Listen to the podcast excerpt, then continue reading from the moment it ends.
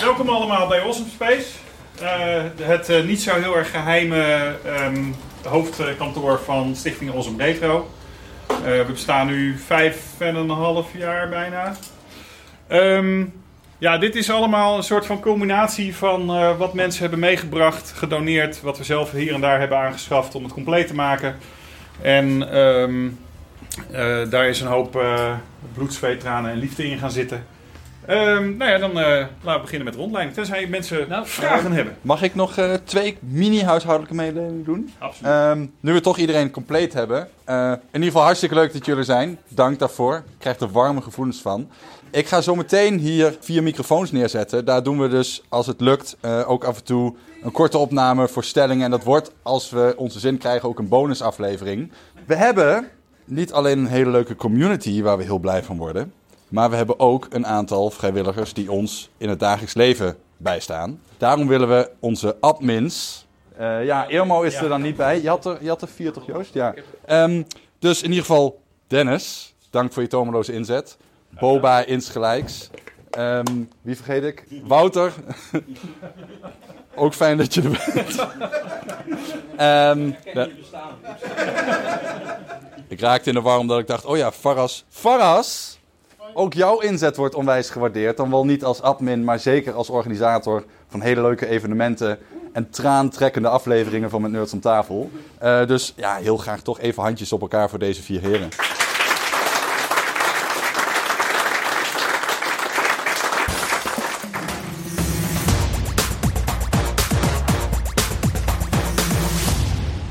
Welkom bij Met Nerds om tafel. We praten vandaag met... Julian. Mijn naam is Randal Pelen en vandaag is een speciale aflevering om meerdere redenen. In de eerste plaats zitten we niet in onze eigen studio, maar bij Awesome Space in Utrecht. Hier vindt namelijk op dit moment helemaal live de derde met Nerds om tafel Patron Meetup plaats. En er zijn ongeveer 25 patrons die met elkaar een biertje doen, pizza met of zonder ananas eten, vooral zonder hopelijk, en aan de slag kunnen met al het leuks dat Awesome te bieden heeft. En nu dachten wij, zou het niet leuk zijn om dan gewoon hier een episode op te nemen samen met onze patrons? Eh, wel een bonus episode weliswaar, maar wat doen we het als volgt? We beginnen zo even met een kort stukje over Awesome Space. Want dit is een uh, speciaal plekje waar je allerlei dingen kunt zien en spelen. Uh, die je niet zomaar ergens anders kunt vinden. En daarna geven onze patrons de gelegenheid om mee te doen met de podcast. Aan de hand van een aantal stellingen. Um, daarvoor hebben we meegenomen Cheert.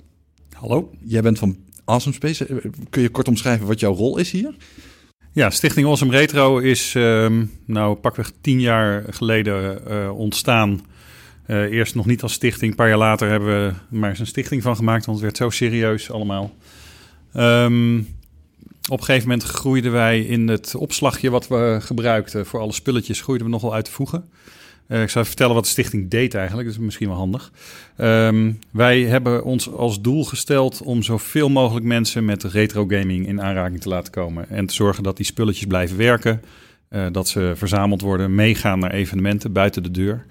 Uh, dus wij, uh, wij stonden op uh, dingen als Mysteryland, Defcon One hebben we gestaan. We hebben op allerlei studentenfeesten gestaan, internationale congressen, ICT Security vaak. we hebben gestaan in musea, bedrijfsfeesten, noem maar op.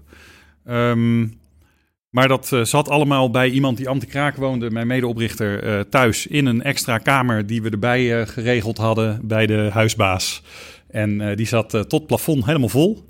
En als je iets nodig had, moest alles eruit. Dan kon je pakken wat je nodig had en dan moest alles er weer in. En uh, tot overmaat verramp was het op de eerste verdieping en de liften stonden uit. Dus uh, dat was één groot feest. Hey, uh, we hadden recent Bart van der Akker van het Home Computer Museum bij ons in de uitzending. Hoe verhoudt Awesome Space zich nou tot zo'n Home Computer Museum? Um, awesome Space is uh, ja, vergelijkbaar. Uh, wat Bart doet is echt een museum uh, hebben. En hij heeft daarbij eh, ook heel mooi een dagbesteding voor mensen die autismestoornis hebben. Uh, wij, wij hebben uh, ook heel veel auties hier rondlopen.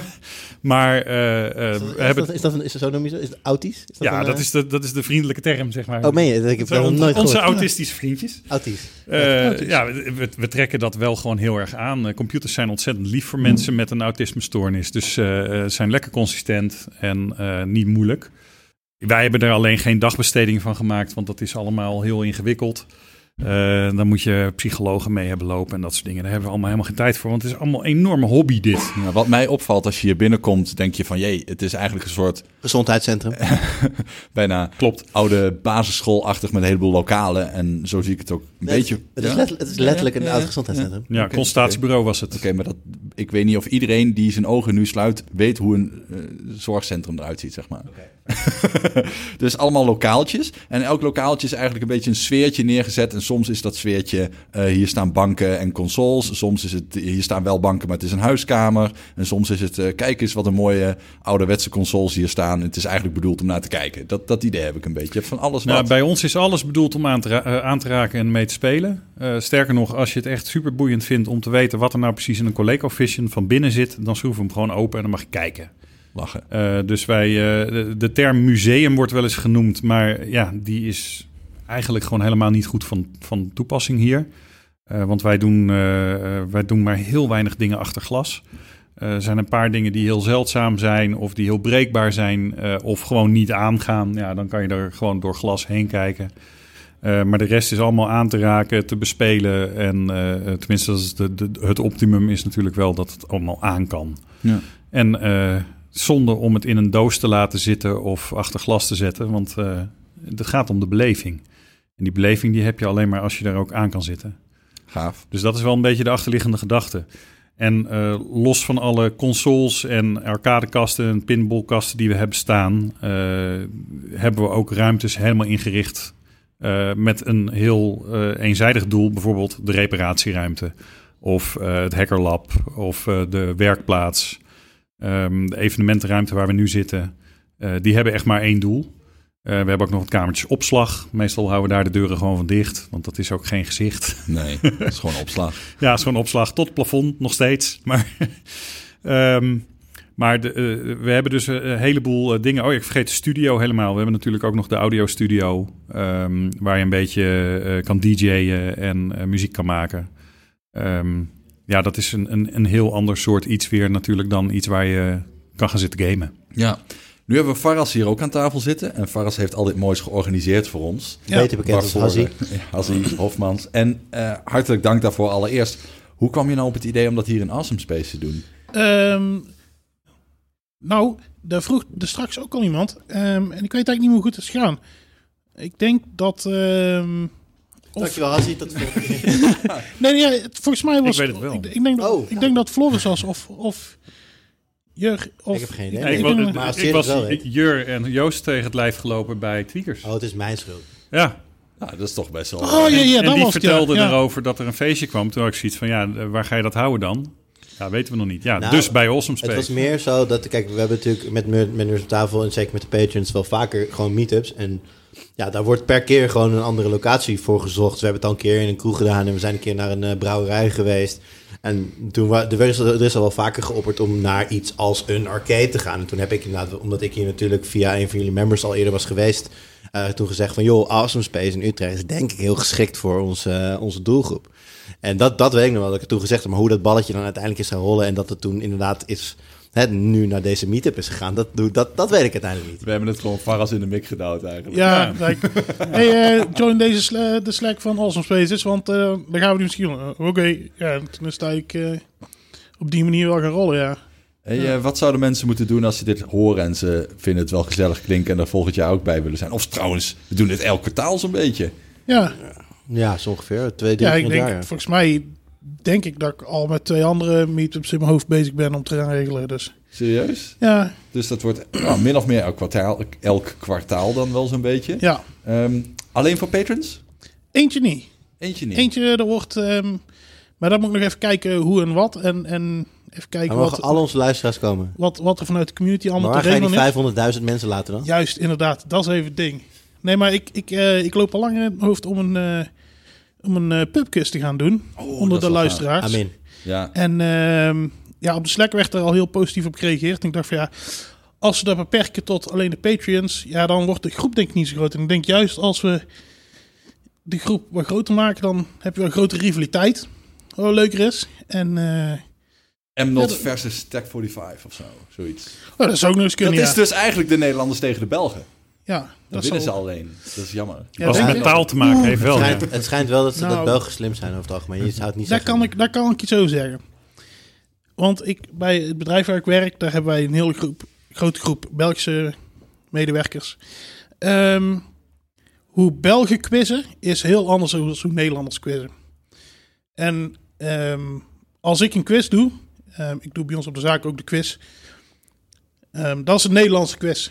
Dat is heel gezellig. En daar kunnen die Belgen niet mee omgaan om een of andere reden. Dus ehm, ik wil niet zeggen dat we misschien wel een voorsprong hebben, al de Belgen als we Maar eh, wacht even, want ik volg het even niet. Omdat het gezellig is in een zaal en ze zich niet kunnen concentreren of zo, dat is niet hun ja, stijl. ja, Dus eigenlijk wat je zegt is, zolang wij gewoon zorgen dat er een beetje een kroegsfeertje hangt, een beetje rowdy, een beetje, een beetje dan schreeuwen, winnen we. dan winnen we sowieso. Ja. Nice. Makkie. Nou, Oké. Wat mensen volgens mij in ieder geval moeten doen, is de met Nerds om tafel Slack joinen. Want dat is waar het allemaal georganiseerd Ja, dat wordt. sowieso. Dat sowieso. En ehm, ja, misschien als ze dit een interessant verhaal vonden, ook eens in Awesome Space komen kijken. Hoe Ja. werkt dat nou? Want je zegt, we hebben een boel leden. Mogen die alleen naar binnen? Nee, eh, we zijn elke woensdag en vrijdagavond zijn we open. Eh, gewoon voor het hele publiek. Eh, dat is gratis. Het spelen is ook gratis. Dus heel veel mensen denken, hè, hoe kan dat dan? Nou, dat komt dus dan weer door die members.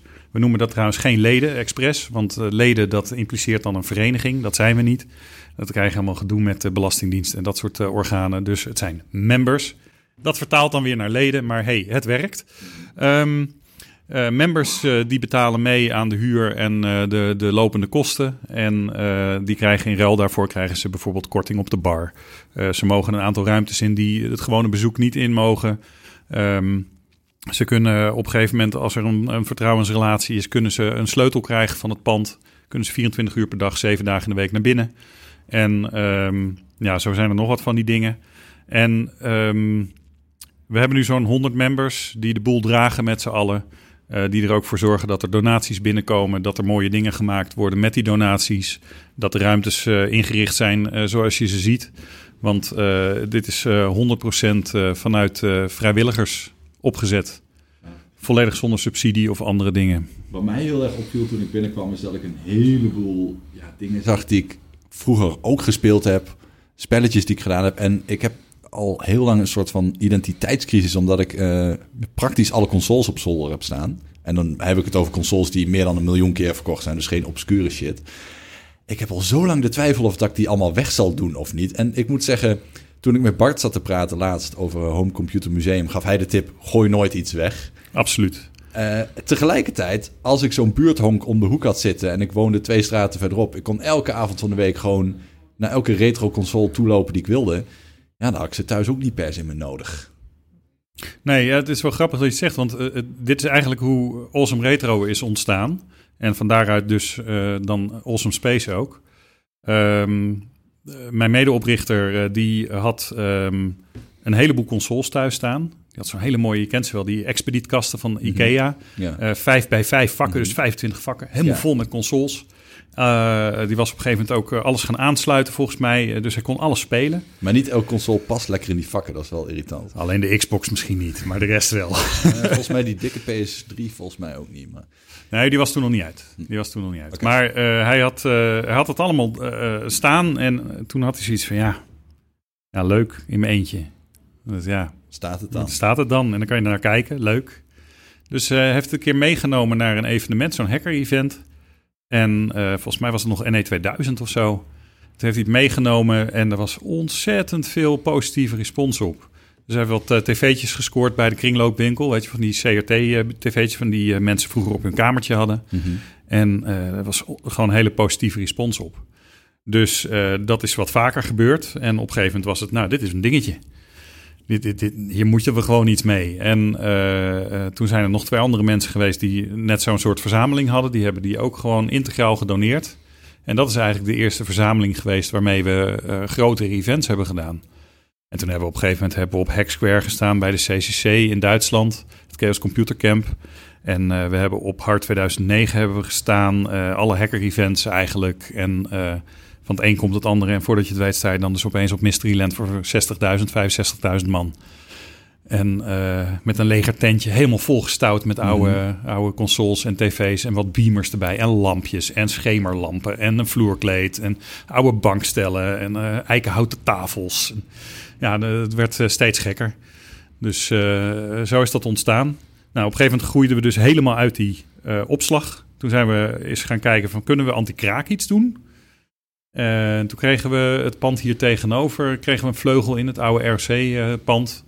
Eh, wat nu het krachtstation is op Kanalenland. En ehm, eh, ja, daar hadden we uiteindelijk, toen we er weggingen na een jaar, hadden we 700 vierkante meter. En eh, helemaal vol met van alles. Er was wel wat meer ruimte dan in dit pand hoor. Hoe, ja, ik wou het zeggen. Dit is 575 uit mijn hoofd. En je bent eigenlijk wel toe aan iets nieuws. Ja, wij kunnen wel wat groter.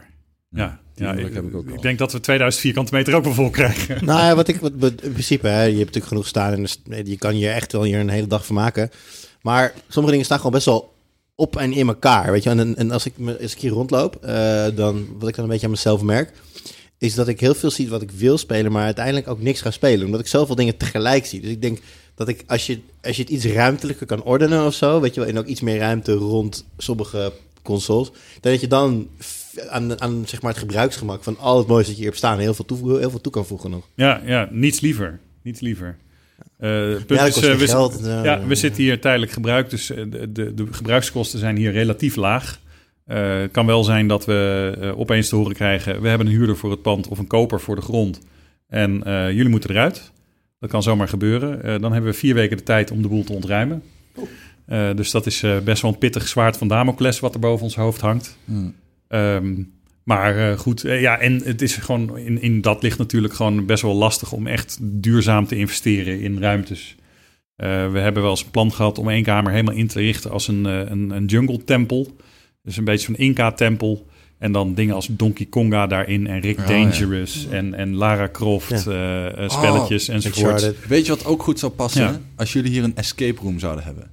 Ja, In mijn hoofd past Ja. dat hier. dat, dat, dat past zeker hier. Eh hebben we ook voor gekozen om dat niet te doen. Mhm. Eh, we hebben wel in... We eh, hebben heel bewust gekozen om geen escape Ja. room te bouwen. Ja, Dat- we neemt gewoon te veel ruimte in. Ehm, ja, dat soort keuzes moet je dan Ja. maken. Maar het is wel grappig dat je het zegt, want we hebben eind januari hebben we een evenement samen met Escape Room Time. Dat is bij hun op de locatie, is hier vlak in de buurt, anderhalf kilometer verderop. Mhm. En dat is volgens mij ook gratis entree. Cool. Dus eh, eh, dat heet dan Game Time. En dat kan je op Facebook vinden volgens mij op dit moment. Oké. Dus, eh, maar daar, daar gaan wij dan consoles neerzetten. En er wordt een hele grote timeline. En dat eindigt dan in VR. Want zij doen ook veel VR-escape rooms. Dus je kan dat daar dan ook, je kan daar ook VR spelen. En begin gewoon ergens bij, de, bij Pong, bij Telesports Tennis eh, 1978 zo'n beetje. En dan zo reis door de tijd naar ja, state-of-the-art VR-gaming. Het is eigenlijk een soort eh, Ready Player One, maar dan in het echt. Ja. Ja. Ja, precies. Nou, luisteraars die dit een tof verhaal vinden en in Utrecht wonen, die eh, kunnen natuurlijk zonder meer langskomen. Luisteraars die van iets verder moeten komen, misschien wat minder makkelijk. Ehm, Je kan gewoon voor de deur parkeren hoor. ja, Ja, je is- kan in de hele wijk gratis parkeren. Je kunt er met Ehm, de auto komen. drie haltes met de sneltram vanaf de, het station. Weet Randall maar al te goed. ja, eh, Ja. het is ons eigenlijk ook wel gelukt.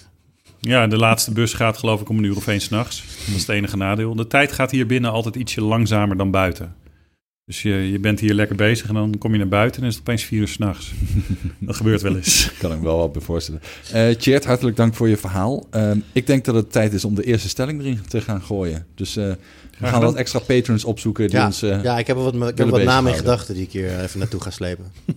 Goed plan. Tjeerd, dankjewel. Graag gedaan. En we zitten nog steeds bij Awesome Space in Utrecht. En dit is eh, de eerste stelling die Jurian heeft eh, voorbereid. We zitten met eh, twee hele lieve patrons aan tafel. Boba en Daan. Welkom in de uitzending. Hi. Hallo. Ja, en, Boba, die naam heb ik eerder gehoord. Boba. Boba. Ah, Dat accent ik- ook, hè? Staat, er staat me iets van bij dat we, wel, dat we het wel eens over Boba hebben gehad bij ons in de, in de show. en dat hij nog nooit Star Wars heeft gekeken. Dat we allemaal vet verontwaardigd waren. Ah ja, dat ook nog. Blikken die ik nu naar me toe krijg. Oh. Jurre, wat had je als eerste stelling meegenomen? Nou ja, we hebben natuurlijk... eh, ehm, we hadden een, ik moet trouwens eerst even zeggen dat ik niet alle stellingen heb voorbereid. Sterker nog, ik heb van het lijstje dat ik hier heb staan er maar één zelf bedacht. Deze eh, komt van, eh, van Alex. Eh, Alex van der Hurk is dat volgens mij. Volgens mij ook, ja. Ja.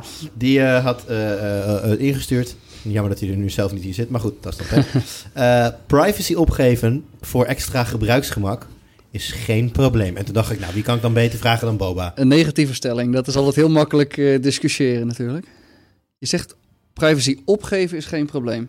Ja, dus eh, ehm, minder privacy als dat zeg maar gelijk, als dat, zeg maar, gelijk staat aan meer gebruiksgemak. Dus bedrijven mogen meer over jou weten om jou beter te kunnen dienen, om het zo even te zeggen. Oh, ja. Is geen probleem. Dat moeten we aanmoedigen. En ik denk gelijk aan dingen als eh, Google of de Albert Heijn of zo. Ik ben er wel blij mee hoor. Die diensten werken perfect. Albert Heijn weet elke week weer wat ik aan boodschappen ga doen. En geef, voorspellen jezelf, ze geef gewoon. zelfs gewoon persoonlijke eh, aanbiedingen die gewoon voor Ja. alleen voor jou gelden. Nou, we zijn het er allemaal mee eens. zo'n Ja. Volgende stelling. mooie scheidslijn. hè? Het is, ja... Je, je moet altijd die afweging... Wat, wat een afweging is dat ook. Ja, ik, ik sla waarschijnlijk een beetje door in die andere kant. En ik snap ook wel dat het gewoon echt tering makkelijk is. Al die dingen. Dus ja, het moet maar gewoon een af, afweging zijn. Het enige lastig is dat, dat je natuurlijk ook niet echt kan weten... wat er allemaal met die data... wat er gebeuren gaat. Nou, later. Maar Boba, je hebt natuurlijk de naam bij ons dat je een heel erg te moeilijk te vinden persoon bent. Niemand weet je voornaam, we hebben geen idee van je achternaam. Niemand weet wie je bent. Je hebt altijd een zwart balkje voor je ogen en overal een ander pseudoniem. Wat zijn nou de dingen die jij in gemak mist, omdat je zo ongelooflijk anoniem bent? Ja, geen idee. Niks? Jouw leven is helemaal top, niks meer aan doen, alle gemakken voorzien, net als wij. Ja, het is, ja, vooral met dat betalen zijn er wel eens makkelijkere dingen. Dat je mensen hoort over, eh hoe heet het, eh, gooi je telefoon ergens tegenaan en dan heb je je betaling gedaan. Ja, dat klinkt op zich wel aardig, maar als ik dan denk, ja, kost me misschien eh, per maand vijf minuten extra om dat dan eh, contant te doen. Maar waarom heb je dat niet dan? Wat heeft dat met privacy van doen? Ja, omdat ieder datapuntje, die data zal nooit weggegooid worden. Dus als ik pin ergens, we zijn hier nu in Utrecht, als ik hier zou hebben gepind, als je hier eh, moest betalen voor je parkeren, nou dan weet de bank weet weer waar ik ben. Ja, waar gaat dat dan allemaal weer naartoe? Dat is ook weer eng. Ik weet dat er allerlei eh, samenwerkingen zijn tussen parkeergarages en de Belastingdienst. Dat, nou ja, om te kijken van waar jouw auto is geweest. Die maken daar mooie, eh, mooie lijntjes van op een kaart van... Is dat echt zo? ja, dat is die, die broedkamer. er is een documentaire van Zembla, was er vorig jaar. Ja, en de Belastingdienst en data, dat is ook wel een lastig, eh, lastig verhaal. Dat doen ze niet altijd even netjes. En die willen gewoon heel erg veel data hebben. Dat gaat dan, ja, dat, dat zeggen ze dan om, om misbruik van je leaseauto eh tegen te gaan. Allemaal heel begrijpelijk, maar ja, die data die komt dus wel ergens centraal Ja. terecht. En ga er maar niet vanuit dat dat nou allemaal eh, verwijderd wordt. Maar jij doet toch niks fout? Nee, dat is waar. Dus Ja, maar pas op, hè, want dit is, dit is de aloude ik heb toch niks te verbergen eh, Ja, ja. methodiek waarmee... eh, het is ook de vraag- Daarmee sterft democratie, democratie uiteindelijk. Dus, eh, Het is ook de vraag wat voor conclusies er allemaal getrokken gaan worden uit je data natuurlijk. Want we hebben ook bij Uber gehad met al die ritjes... dat mensen bij Uber eh, headquarters op een gegeven moment dan conclusies konden gaan trekken... wie van hun userbase dan one-night stands had. Dat is natuurlijk als data dus hartstikke gaaf als je op zo'n berg data zit. En technisch gezien is dat hartstikke interessant. wacht even, hoe kom je erachter dan? Nou, als je altijd een Uber neemt van plek A naar plek B, wat, dan kunnen zij wel zien van ja, A, dat zal je huis zijn en B is je werk. En dan op vrijdagavonden, dan eh, neem je opeens eh, altijd eh, een, een Ubertje naar steeds een ander adres. Ja, en daarna weer een Uber van dat andere adres naar adres A. Eh, maar steeds een ander adres. Hoeveel one-night stands willen mensen hebben op verschillende plekken? dan? Ja, zeg het maar. Maar zij konden uit die data... Ik denk dus heel van ze kunnen zien. makkelijker zien. Vraag je, nu, vraag je nu letterlijk aan ons hoeveel one-night stands mensen willen Challenge hebben? ze willen hebben. Ja. Want dat is denk ik wel een hoog nummer. Nee, maar ik denk als Uber ziet dat ik elke keer eh, dat ik in, eh, in Utrecht ben naar een bepaald adres ga, ja, dan heb ik daar eh, iemand zitten. Maar op het moment dat ik elke keer bij andere mensen op bezoek ga, dan hoeft dat toch geen one-night stand te zijn. Ja. Hm, Oké. Nou ja, het punt dat het daar eh, moeilijk wordt, is welke aannames ga je doen op basis van die data.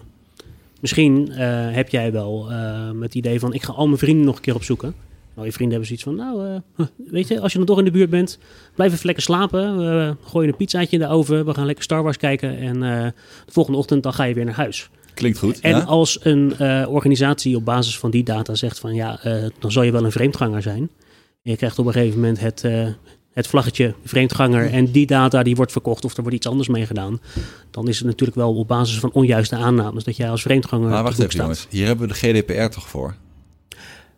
Ja, ehm, maar Ja.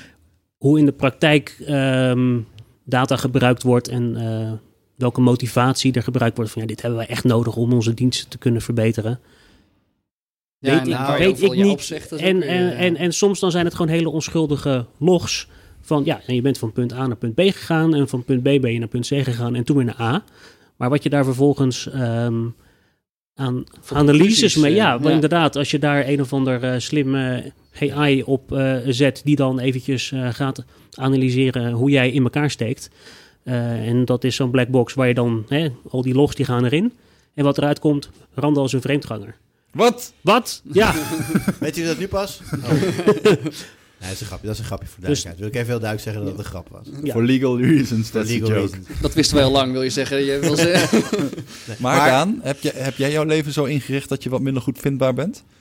Eh, nou, op de Slack niet. Eh, op een gegeven moment, ik heb me daar ooit aangemeld. Toen had ik alleen mijn voornaam en toen de initialen van mijn achternaam. En op een gegeven moment had ik zoiets van, ja, weet je... ehm, Topgozers hier. Topgozers hier zijn allemaal 100% te vertrouwen. Eh nee, maar ook een beetje wat ik daar zeg. Ja, dat zou ik in het echte leven ook zeggen. Oké. En Maar- ehm, ik heb ook wel een Twitter gehad vroeger, waar dan ook gewoon mijn hele naam op stond. Maar ik vind het toch iets om eh, zoiets, te- eh, hè, wat ik op de Slack zou zeggen, om dat ehm, in het openbaar neer te pimpen, dat de hele wereld erop mag schieten. En dan is toch in een beperkte groep van, mensen, we zitten nu op 1100 leden in de Slack, Ja, over de 1200. over de Oh, 1200 inmiddels. Eh, als die dat zien en die gaan erop in, dan weet je ook van ja, het is een beetje je eigen bloedgroep. Je weet voor wie je het eh, zegt. En, Ja, Lekker binnen je eigen bubbeltje. lekker binnen je eigen filterbubbel, inderdaad. En ehm, dat is toch wat anders dan dat je dat op internet zou doen. En eh, ik zou ook niet bijvoorbeeld een Instagram-account eh, hebben waar ik dan elke dag eh, een selfie van mezelf op zet. Weet je, het is wat je daar dan weer van, nou, ik ben nu bij dat hippe tentje in Utrecht of ik ben nu bij dat hippe tentje in Amsterdam. Dan, letterlijk dan, waar ik mijn Instagram voor gebruik. nee, maar dan geef je wel weer ehm, heel veel andere data weg. Of Maar we, we, we raken een beetje wel. Nu zijn we Ja. een beetje aan het, aan het praten over eh, eh, de angst dat iemand iets met je data doet.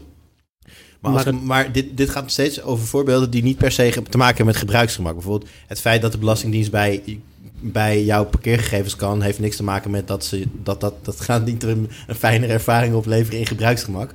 Dus ik vind het wel belangrijk om dan zeg maar dat, dat, dat, dat positieve haakje, wat dan in de stelling wel Ja. verwerkt zit, dat dat er wel bij te houden, zeg maar. Want wat, Nou. wat, zou, wat zou überhaupt een voorbeeld kunnen zijn waar je, waar je privacy in... Is het bijvoorbeeld dat jouw koelkast naar de Albert Heijn eh een boodschappenlijst stuurt van... Hi, hoi ik, ik, ik, ik ben een koelkast, ik woon op dit en dit adres en, mijn, eh, en ik word gegijzeld. En mijn eh, melk is, is le- Ik heb geen melk meer en ik heb geen eieren meer en ik heb geen, eh, weet ik wat, Nou. de groentelaars leeg. Dat zou, dat, dat zou ik Is- niet zo snel doen. Is dat, nee. is, is dat bijvoorbeeld, maar is, zou, zou zoiets een voorbeeld kunnen zijn van een trade of privacy versus gebruiker? Want stel jij bent, Ja.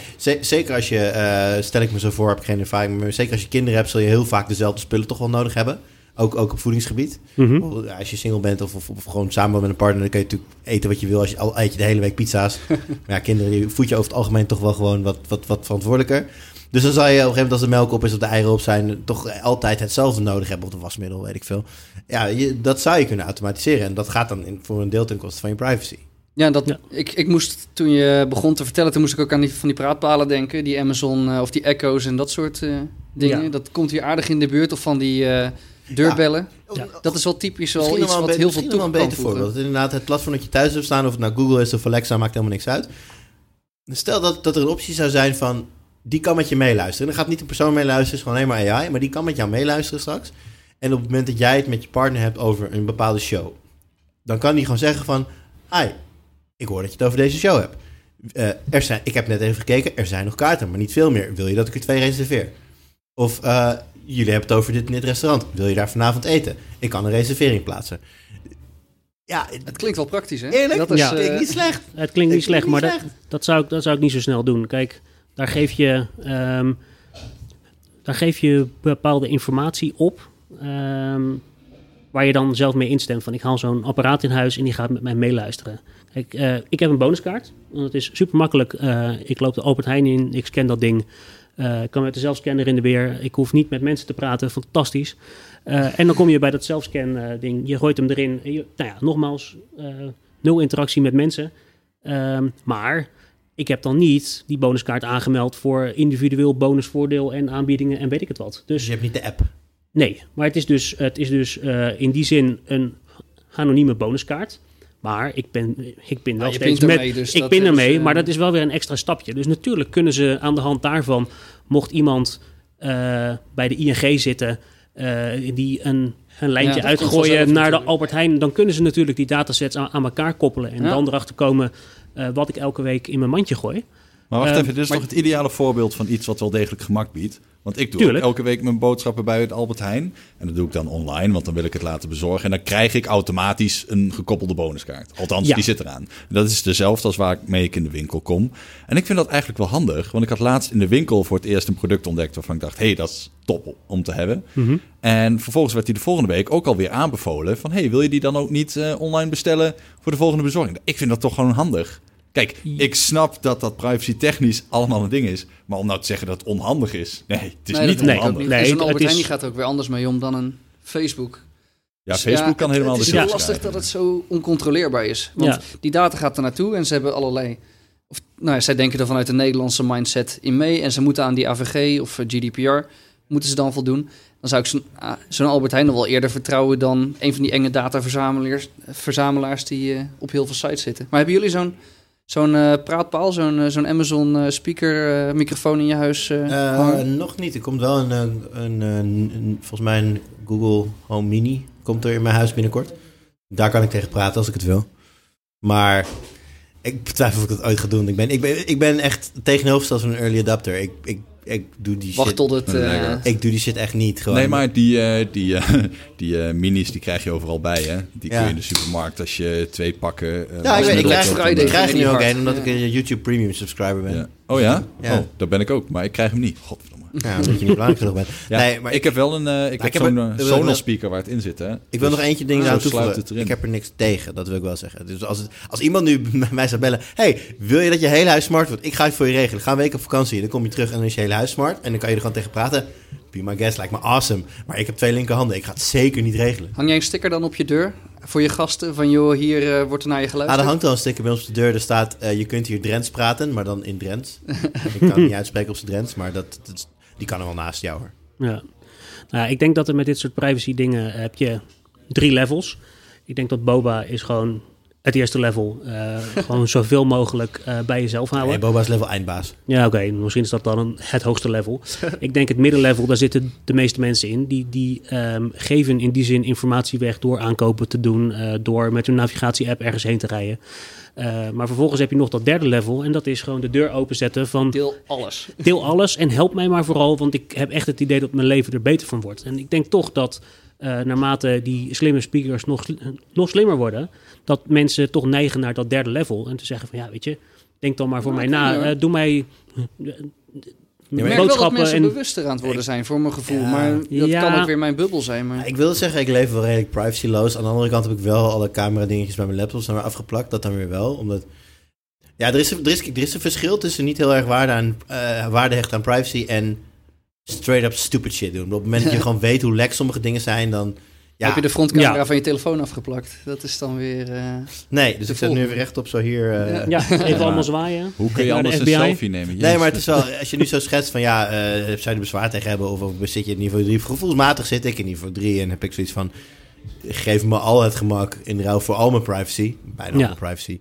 Maar ja, tegelijkertijd doe ik ook wel weer dingen die daar niet helemaal mee stroken. Dus ik ben er nog niet helemaal uit, denk ik zelf. Nee, nou, het hoeft natuurlijk niet eh, hard te zijn dat je of level 1 of level 2 of level 3 bent. Dat je een beetje... eh, Zo'n keurmerk krijg je. Ja, zo'n eh, stickertje. Dat je meer in het ene level zit dan in het andere. Ik denk dat ik voornamelijk in level 2 zit. eh, maar dat ik ook wel zoiets heb van, weet je... Apple Pay is gewoon vet handig. Want Ja. ik ga nooit zonder smartphone de deur uit. Want dat werkt niet. Maar mijn portemonnee die laat ik nog wel eens liggen. Eh, ja, dan is dat handig. En je- ID-kaart dan? ja, nou ja, als ik dat nog... eh, misschien moet ik gewoon mijn BSN op mijn, op mijn arm laten tatoeëren als een Ja. barcode of zo. Dan kan ik hem ook niet eh, kwijtraken. voelt dat wel lekker, ja. Nee, het is een slecht idee. Maar... is misschien even, wat ik denk dat we zo een beetje gaan afronden, maar is misschien nog wel een leuke, een soort van unrelated, maar eh, laatste vraag. Van, wat zou je het liefst verliezen? Je eh, huissleutel, je bankpas of je ID-kaart? Ligt eraan waar ik ben. Als ik binnen Oh. ben. Nee, maar gewoon, je bent, eh weet ik veel, in het centrum van Amsterdam. Oké. Bankpas. Bankpas. dan Ja. het snelste blokkeren, dat is eigenlijk te makkelijk. Ja, Oké, gewoon bellen. Huis, oké, blokkeren. huissleutel of je ID-kaart? ID-kaart. Ja. Ja? Hey, dat klinkt heel gek, omdat ik gewoon... Nou, Nee, kijk naar wat is fixable. En dan denk ik van, ja, Ja. ik kan met een sloten maken een nieuwe sloten. Dat kost geld, ja. Maar Mhm. dan is het ook klaar. Terwijl ID, ja, dan lig je BSN op straat. Dat, dan ligt er Ja. veel op straat. Ja, ja, ja. Ja, eh, maar ik denk dat in de praktijk, eh, zelfs in Amsterdam, de meeste mensen toch zo'n ID-kaart eh, naar de dichtstbijzijnde BOA zullen brengen. Of, Nee, vriend, kom zelf, vriend. Denk jij? Ja, Oh, wacht, er wordt pizza binnengebracht. Ja, nu al mijn favoriete ja, deel van de... Wat heerlijk dit. Ja, onmiskenbaar. dat is- dit- terwijl als jij je huissleutel kwijt bent... ehm, Nou, ik weet wat nieuwe nou ja, sleutel goed. kosten. Man, man. Ja, nou ja, en het is niet alleen mijn huissleutel. Het zijn ook allemaal andere sleutels aan dezelfde sleutelbos. En eh, dan zou ik toch liever... eh Ja, maar dat weet de stelling niet, hè. De stelling gaat gewoon uit van huis. dat weet de stelling Hij niet. valt Nou, wel magisch van je sleutel. Dat was gewoon ene- van, nou ja. goed, dan is het met tien, is misschien toch die sleutel. Maar inderdaad, nieuwe sloten zijn eh, best wel duur. Hey, ehm, terwijl wij hier een piet- stuk pizza gaan zitten verorberen, is het misschien een goed idee om een eh, streep te zetten onder deze stelling en Ja. door te gaan naar te de volgende. naar het volgende Gaan we weer panel. bier halen. Yes. Nou, ehm, dat was stelling 1. Ehm, ik weet niet wat stelling 1 was, maar dat was stelling 1. Dan gaan we nu verder met... Ruud. Floris, Thomas. En eh Ruud heeft een stelling meegenomen. Wat En is- jij bent? Oh, sorry, ik ben Joost. Ja, dat weet iedereen toch wel. Sorry. ik, ben, ik ben Joost. eh, Ben je eh, Joost? ja, Oh, ik ben Joost. Joost. Eh, Schellevis. En Schellevis. ehm, ik kom hier stelling 2 introduceren. Of eigenlijk komt Ruud dat doen. Ja. Mijn stelling is: ik vind dat voortaan eh, dat je niet meer mag handelen op vraag en aanbod of marktplaats zonder dat je je BSN of DigiD of EID hebt afgegeven. Floris, wat vind jij daarvan? Ja, je riep Dat al... is Je, niet realistisch, maar dat is wat ik vind. En het, mag ook er, niet, is maar... een, er is een reden achter mijn stelling. Nou, die zo zei, je, riep, van- je riep van tevoren dat, eh, dat ik het met je eens zou zijn. Ik ben het um, grotendeels met je eens. Ja. Ehm, ik- ik vind je BSN afgeven echter niet een goed idee. Ik weet niet wat. maar iets, iets anders, ja. Ja, een soort geverifieerd eh, member waarbij Nou ja, jij als koper weet dat de verkoper door Marktplaats gevet is, zodat je veilig kunt handelen. precies. Maar la- laten we eens, wat is, wat is het probleem dat je wil oplossen? Misschien is dat goed om te Het weten. probleem wat er gewoon tegenwoordig op marktplaats en ook op vraag en aanbod kan blijken, want dat heb ik aan de lijve mogen ondervinden. Eh, er zitten gewoon gastjes, zitten daar gewoon te handelen en de boel te besodemieteren. En het probleem is dat jij als gebruiker van dat platform constant op je hoede moet zijn. En als een soort halve internetdetective moet gaan achterhalen van eh, wie is die persoon, wie is de persoon die hem gerate heeft. Eh, hoe hoe eh, acteert hij? Hoe reageert hij op mijn eh, aanbod? Hè? Gaat hij bijvoorbeeld heel snel akkoord met een bepaalde prijs, ja of nee?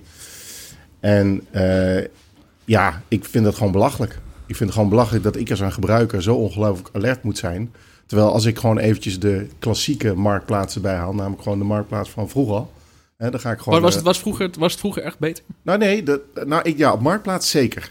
Eh, op Marktplaats, ik, ik handel al, al, nou ik weet niet hoe lang Marktplaats bestaat, maar 10, 15 jaar of zo, weet ik veel. Misschien wel zo lang. Nee, Marktplaats is al oud hoor. Marktplaats is al ouder volgens mij. Ja, maar ik handel al, ja, ik denk sinds 2000 of zo al op, eh, op Marktplaats. Eh, ik vind het altijd heel belangrijk om, als ik zelf daar iets aanbied, om altijd je netjes te gedragen. Maar ik merk gewoon dat eh, het laatste jaar, twee jaar, dat de hoeveelheid eh, oplichters gewoon drastisch toeneemt. Thomas, Misschien hoe ligt het aan mij. Thomas, hoe denk jij daarover? Nou ja, ik ben het daar wel mee eens. Ik eh, zie zelf ook dat Marktplaats wel pogingen doet om dingen geautomatiseerd af te vangen. Mm. Ik wilde recentelijk voor de Switch een paar games kopen voor mijn, eh, voor mijn kinderen en voor mezelf.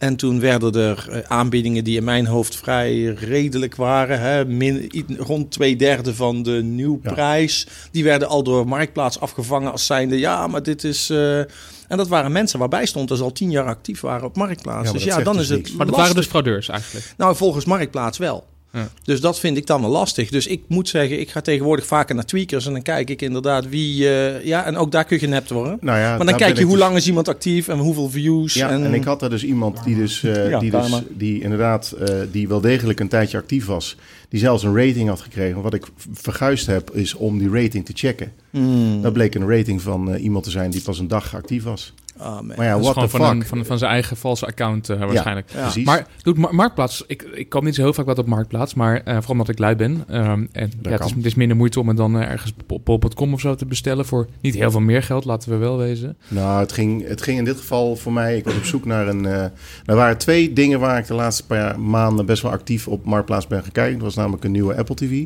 Ja. Apple TV 4K. Eh, Mooi apparaat, hè? Maar dat, eh, Prachtig. dat ik had een, een 4, maar ik had nou een 4K televisie gekocht. Dus ik wilde een 4K variant wilde ik hebben. En, eh, dus, en daar viel het mij op al hoe ongelooflijk veel ettertjes ertussen zaten. Je merkt het gelijk in wanneer je met ze aan het handelen bent en dat je iets Maar- op wil sturen. Op Marktplaats, want dat, dat viel me dus op op Marktplaats toen ik wel laatst eh, daar actief was. Daar, daar heb je ook helemaal niet zo'n geschiedenis van iemand. Nou, dat heb je dus. Een, ja, je kunt het op Marktplaats tegenwoordig elkaar ook raten, dus dat is goed. En het grote voordeel van Marktplaats is dat je ook gelijk oversteken kan doen. Of je kunt bijvoorbeeld ja. een betaal, betaalverzoek naar elkaar sturen. Het grote voordeel daarvan is, is dat je gelijk verzekerd bent. Dus als dus nooit een IBAN-overboeking doen als iemand bijvoorbeeld iets op moet sturen, moet je never, never ever nooit niet doen. Eh, want dan, ja, dan heb je gewoon nul garantie. Als, iemand aan jou vraagt, maak even één cent over. Dat kan niet zoveel kwaad, toch? Laten we wel wezen. Nee, ja, maar ja, dus er zijn nog wel gasten die nog wel eens een, een tikkie sturen. Nee, dat is een dus tikkie link. phishing. Ja. Nou, dat, dan word je besodemieterd. Ja. Of ze zeggen, en dat heb ik ook aan de lijve ondervonden... en die heb ik dus in, bij Marktplaats heb ik die afgekapt... eh, van eh, ja, mijn bank ondersteunt betaalverzoeken niet. Even, wat is dat voor gelul? Daar klopt helemaal niks van. Je bent niet Nederlandse bank dan. Nee, nou, en, en bij vraag en aanbod op Tweakers dacht ik van... ik ben omringd door Tweakers. Ik zie iemand die al een tijdje actief is. Ik zie dat hij een rating heeft gehad. Tweakers is toch een beetje de omgeving waar ik me dan omringd voel door andere tweakers. Dus andere nerds, mensen die je niet willen besodemieteren. Nou, ik ben dus voor 270 euro ben ik door, eh, opgelicht. En ni- niet meer teruggezien natuurlijk. Nee. Ja, dat is serieus geld. En daar baal Ja. ik gigantisch van. Omdat ik eigenlijk, ik was gehaast omdat ik wilde een videokaart kopen om- voor mijn zoon. Want die, die had een, eh, zijn, eh, zijn gaming laptop, die is helemaal gort. En ik had een, een, ergens een, een, voor noppers had ik van mijn werk een, een van de het, Tower PC had ik gekregen. Ik denk van nou, even die videokaart upgraden en dan kan hij lekker erop gamen. Dus eh, nou, hij was zijn laptop al een beetje aan het verpatsen. Dus ik was een beetje gehaast en ik let even seconden niet op. Ja. En dan achteraf, jongen, dan baal je zo Dus je, je hebt het gewoon aan iemand gegeven die eh, het heeft gejat eigenlijk. Ik heb uiteindelijk... Heb, nee, nee, ik heb gewoon een, een IBAN-overschrijving gedaan. Maar dat is gewoon dom. Nou, ja, nou, nou, maar dan nou, denk je, ja, dat is tweakers, dus dat vertrouw ik. Ja, en ja. dat is gewoon dom. Want ook daar zitten die klootzakken. Maar Floris, hoe moeten we het dan wel oplossen? Niet eh, de complete IBANs eh, overhandigen, maar wat dan wel? Nou, de bedoeling was eh, om in Nederland nieuw Oh, het te lijkt op, hey, een moment, het lijkt op alsof je microfoon het niet goed doet. Wacht even hoor. Kun je zelf iets zeggen? Yo, Eh, jij bent misschien... ik ben Dia. No- nog een keer? Dat is beter. Ja. Sorry, ja, ik was, dat ben ik Ja, verkeerde... je, was, eh, Oké. je was jezelf aan het uh, Ja, ja het is, Ehm, ik wist niet meer Nee, dus eh, ehm, hoe hoe gaan we dat oplossen? Of wat vind ik ervan? Nou kijk, eh, eh, het probleem met DigiD is dat je altijd een BSN doorgeeft. Ja. En eh ehm, eh, erg genoeg bijna alleen maar een BSN doorgeeft. En met dat BSN, daar, daar mag Marktplaats niks mee. Die heeft geen recht om dat te verkrijgen. Dus daar zit je, daar zit je probleem. Precies. Juridisch snap ik dat Ja. er allerlei haken Nou, heb aan je, zitten. heb je een tegenhanger van de banken, dat heet dan... eh, eh, EID? Nee, dat heet IDIN. IDIN, Oh, ja. IDIN, ja. IDIN. En, eh, en IDIN, eh, ehm, eh, dat kan ook zonder je BSN. Mhm. En dat is natuurlijk een geverifieerd stuk data. Hè? Wie is dit? En, eh, en wij kennen hem en meer van dat. Ehm, het nadeel is dat die transactie heel kostbaar is. Ja. Oké, dus daar zit je dan met een probleem. Ja, dus eh, dat is, dat is te duur om, eh, als je gewoon wil inloggen elke keer, dat te doen. Want dat, dat is gewoon niet, niet te betalen. Ehm, dus er zou iets anders moeten komen. En ehm, ehm, er, er komt wat aan. Eh, er komt nu een, eh, een, een soort van aanbestedingstraject aan voor, vanuit de overheid om een nieuw EID te gaan maken. Dus een Ja. nieuw eh, elektronische identiteitsmiddel, zeg maar. Eh, als ehm, tegenhanger van, ja, is niet helemaal tegenhanger, maar laten we het even zo noemen, een tegenhanger van DigiD. Mhm. waarbij meerdere partijen dat in kunnen leveren. En de bedoeling daarvan is ook dat de overheid niet afhankelijk is van één systeem, zijn de DigiD, maar dat er een tweede naast is, zodat als er eentje plat gaat, dat we door kunnen. Maar gaat, En daarin gaat Marktplaats daar bijvoorbeeld gebruik van maken? daarin daar is het expliciet de bedoeling dat het BSN eruit gehaald kan worden. Ja, ja. En daarmee maak je het mogelijk voor Marktplaats of Bol.com of eBay of iets anders om datzelfde ding te gebruiken. En dan wordt hij wel interessant. Mooi. Wanneer hebben we hem? Ja, nou ja, de overheid kennende zijn. Nou, hij hoort dus bij de wet digitale overheid en dit, daar zijn we al twee jaar mee bezig. Oh, Dus eh, eh, daar zit je uitdaging. ja, ja. Maar eigenlijk maakt het toch helemaal niet uit wat je gebruikt. Als jij, stel dat ik mijn BSN inlever bij bedrijf X, want dat bedrijf vertrouw ik. Maar dat mag En toch? bedrijf X kan garanderen richting een marktplaats of een bol.com dat ik ben wie ik zeg dat ik ben. Ja, maar dan moet je dus een systeem bouwen om dat te doen. En daar, moet genoeg, daar moeten genoeg gebruikers op zitten om dat te kunnen doen. Kijk, en eh, eh, Ja. ik kom bij een bedrijf vandaan dat dat soort systemen bouwt. Ehm eh Digidentity, loopt hier toevallig iemand ook rond die daar heeft gewerkt. Eh, het bouwen van een dergelijk systeem kost je 1 tot 2 miljoen euro als je, als je het voorzichtig aan doet. Oké. Snap je? Dus je moet heel veel gebruikers die ook nog heel veel transacties doen. En dan pas, weet je, want je wil natuurlijk zeggen van, joh, het inloggen kost een cent of, of misschien een keer twee cent, maar niet veel meer dan dat. Want dan, dan gaan partijen als een marktplaats zeggen, ja, sorry, dat is mij te duur. Ja, ja, zijn, want er, iedereen- zijn ja. er alternatieven dan?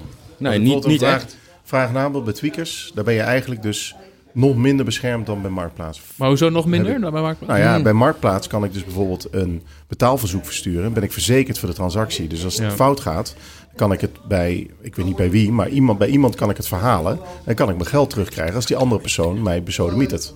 Ja, ja. Dus en bij, eh, als jij nu op dit moment een transactie wil doen via tweakers, dan, heb jij, dan moet jij gewoon een IBAN-overschrijving doen. En dan ben je gewoon die Sjaak. Ja. Want nou, ik zou je vertellen, de, dus voor mensen, eh, als jullie ooit een, een, een handeling wil doen op marktplaats of iets dergelijks, op het moment dat je een IBAN-overschrijving doet, de seconde nadat jij op akkoord hebt gedrukt, dan krijg je het geld never ever fucking nooit meer, meer terug. Nooit Ja. meer. Dan kun je de bank bellen en zeggen: Ik wil dit niet en weet ik wat allemaal. Alleen machtigingen kun je uiteindelijk terugvorderen. Maar de seconde dat jij op die akko- akkoordknop hebt gedrukt, Ja, hè, op het moment is dat het jij je, je duim erop hebt gelegd, dan is het weg. Nou, en in dit geval gaat het dan via zo'n eh, eh, zo'n geldezel. eh, dat is ook zo'n Ja, term die ik nog niet kende. Mag ik een grappig verhaal vertellen? Want ik ben Nou. dus nog nooit opgelicht op internet, maar ik heb wel een keer... Iemand anders opgelegd. Nou, ja, dat is een ander verhaal. Dat kan ik helaas niet vertellen. Nee, maar ik, ik heb een keer geld overgemaakt naar het verkeerde rekeningnummer. Dat is pre-IBAN dit. Ik, ik, was toen, eh, ja, ik was toen de hoofdhuurder van een, eh, van een appartement en ik had vier huisgenoten. Dus eh, ik regelde een beetje dan de geldzaken. En ik moest iemand toen nog, nog echt wel, echt wel eh 700, 800 euro of zo terugbetalen. Ja. Ehm, en toen heb ik het verkeerde bankrekeningnummer ingevuld. Shit. Gewoon tekort eigenlijk. Het mooie is, ik heb het terug Dus die persoon die, die heeft het gewoon terug overgemaakt. Ja, dan heb je dan heb je een hele brave burger. Maar was het een bestaande rekening dan? Want dat is Want- blijkbaar een bestaande rekening, ja. Maar zijn daar verplichtingen in? Dat, dat jij kunt zeggen, ja, maar dat geld was niet rechtens jou? Ja, want een van mijn huisgenoten was advocaat. De andere drie werkten bij de Apple Store. was een hele interessante dynamiek trouwens. Ehm, drie medewerkers van de Apple Store, een advocaat en een tweakers-journalist. Ja. Een soort sitcom zou het Ja. Maar goed, die zei ook, het is, het is een onverschuldigde betaling. Dus eh, ja, je zou dat eigenlijk gewoon terug moeten... Nee, maar je hebt dus geen potem op te staan. Je hebt geen poot om te staan. Maar Want- eigenlijk zou de bank je daar iets bij, meer bij moeten Ik, helpen. oh, nou ja, ik heb dus, want ik, ik had dus dat geld overgemaakt eh, op vraag en aanbod. En eh, ja, ik, eh, ergens in mijn hoofd was het, dit klopt niet, dit klopt niet. Zo'n klein stemmetje. En ik ging het inderdaad checken. En toen kwam ik er dus achter dat Ja. de persoon die hem gerate had, dat hij pas één dag actief was. Ik denk, kut, gelijk de bank gebeld. Ik zei, meneer, we kunnen niks voor u doen. Nee, je kan Ja, aangifte ja. doen en die doen ook geen reet voor je. Nee, doen geen ook. Nee, was zeker niet beneden een Nou, bepaald aantal. eh Ik heb toen... eh, eh, nee, nou, je hebt ook een ervaring gehad, ik hè? heb natuurlijk ook een ervaring gehad. Ik heb, Oh, ja. ik heb zo'n PlayStation gekocht en die, eh, die verkoper bleek niet eh, ehm, van plan te zijn zijn PlayStation op te sturen. Laten we het zo maar even zeggen. Hij was geen verkoper in de traditionele zin van het woord. zeg Ja. maar. Ja, maar ik had wel ik had het rekeningnummer, ik had een kloppend adres en een kloppende naam en een telefoonnummer. Maar hoe weet je dat? Want dat vroeg me nog af. Want Ik heb iemand hij- langs gestuurd, letterlijk. Ah, oké. Toevallig eh, in dezelfde... Maar normaal in- heb je in- geen check, hè? Toevallig Maar- ook in Deventer. Maar je, En, kunt, eh, je kunt een IBAN kun je niet checken tegen een adres, hè? Nee, nee, nee, klopt. Maar ik dat dus- zou privacy technisch ook niet handig zijn als ik een willekeurig, als ik dat soort gegevens zomaar kan opzoeken. Ja, maar dan ben ik in ieder geval wel verzekerd dat het IBAN-nummer wel bij dat adres hoort. Dat is ja, wel iets nou van ja, een en, match. daar- maar- en daarom heb je dus een systeem nodig. Een, Ja. een, een, een landbreed systeem, misschien wel meer dan dat, Europe Europees systeem, die dat voor je kan doen. En de- er is zo'n systeem, eh, Europees, het, Ja. dat heet EIDAS. En daar hebben, we in, daar hebben we vijf of zesduizend Nederlandse gebruikers in, voor zover ik weet. Dus dat stelt helemaal geen zak voor. De, we De hebben gewoon- is dat de oplossing? Maar hoe word Nee, je daar, maar. Nooit. hoe word je daar gebruiker van als Nederlander? Eh, nou ja, officieel eh, eh, halverwege 2020 eh, is jouw DigiD een Europees middel. Dus dan kan je je DigiD over de landsgrenzen gebruiken zonder BSN. Nee, dat bedoel ik niet. Maar jij zegt EIDAS wordt maar door weinig mensen gebruikt. Maar is dat omdat niemand weet dat het bestaat? Of Ja. kan ik me daar niet zomaar melden? Nou, beide. Oh, oké. Ja, bijna nie- niemand weet dat het officieel bestaat. Maar ben ik dan veilig wanneer Ja. dingen als DigiD... Ja, ja, zeker over de landsgrenzen heen ben je veilig. Want Ja, eh, de, de landen hebben met elkaar afgesproken dat zij onderling het risico overnemen. Ja, oké, maar wat ik wil is dat ik gewoon niet constant op mijn hoede moet zijn. Ja, nou ja, en, zo'n dus, en, dus, zit. dus zit er voor jou bijna niks anders op dan zo'n gelijk oversteken. Ja, maar dat bestaat bijvoorbeeld, de vraag en aanbod bestaat het niet. Nee, nee, nee, maar bij Nee, Tweakers Tweakers ga ik gewoon meestal Nee, maar langs. Dus nee, maar dat moet is- ik dan doen? Nee, Maar dan ga je er naartoe. Of je stuurt iemand langs. Moeten we dan met Ja, tafel uh, altijd. verkoophoekje Nee, klopt, beginnen, maar ik waar snap mensen het elkaar kennen? escrow-dienst. Ja, je moet, Ja, nou, het probleem is dat de meeste van die floepers zitten allemaal in Friesland, zogenaamd. dan dat- weten ze natuurlijk dat daar geen hond woont, dus dan kan je ook niemand langslopen. Maar dit is eigenlijk wel bijzonder, hè? want dus illegale handelsplaatsen op internet, waarvan er wel veel inmiddels zijn opgerold, maar dingen zoals Alphabet Market bestaat nu niet meer, daar is gelijk oversteken de standaard. Dus eigenlijk zijn die veiliger dan tweakersvraag en aanbod. Ja.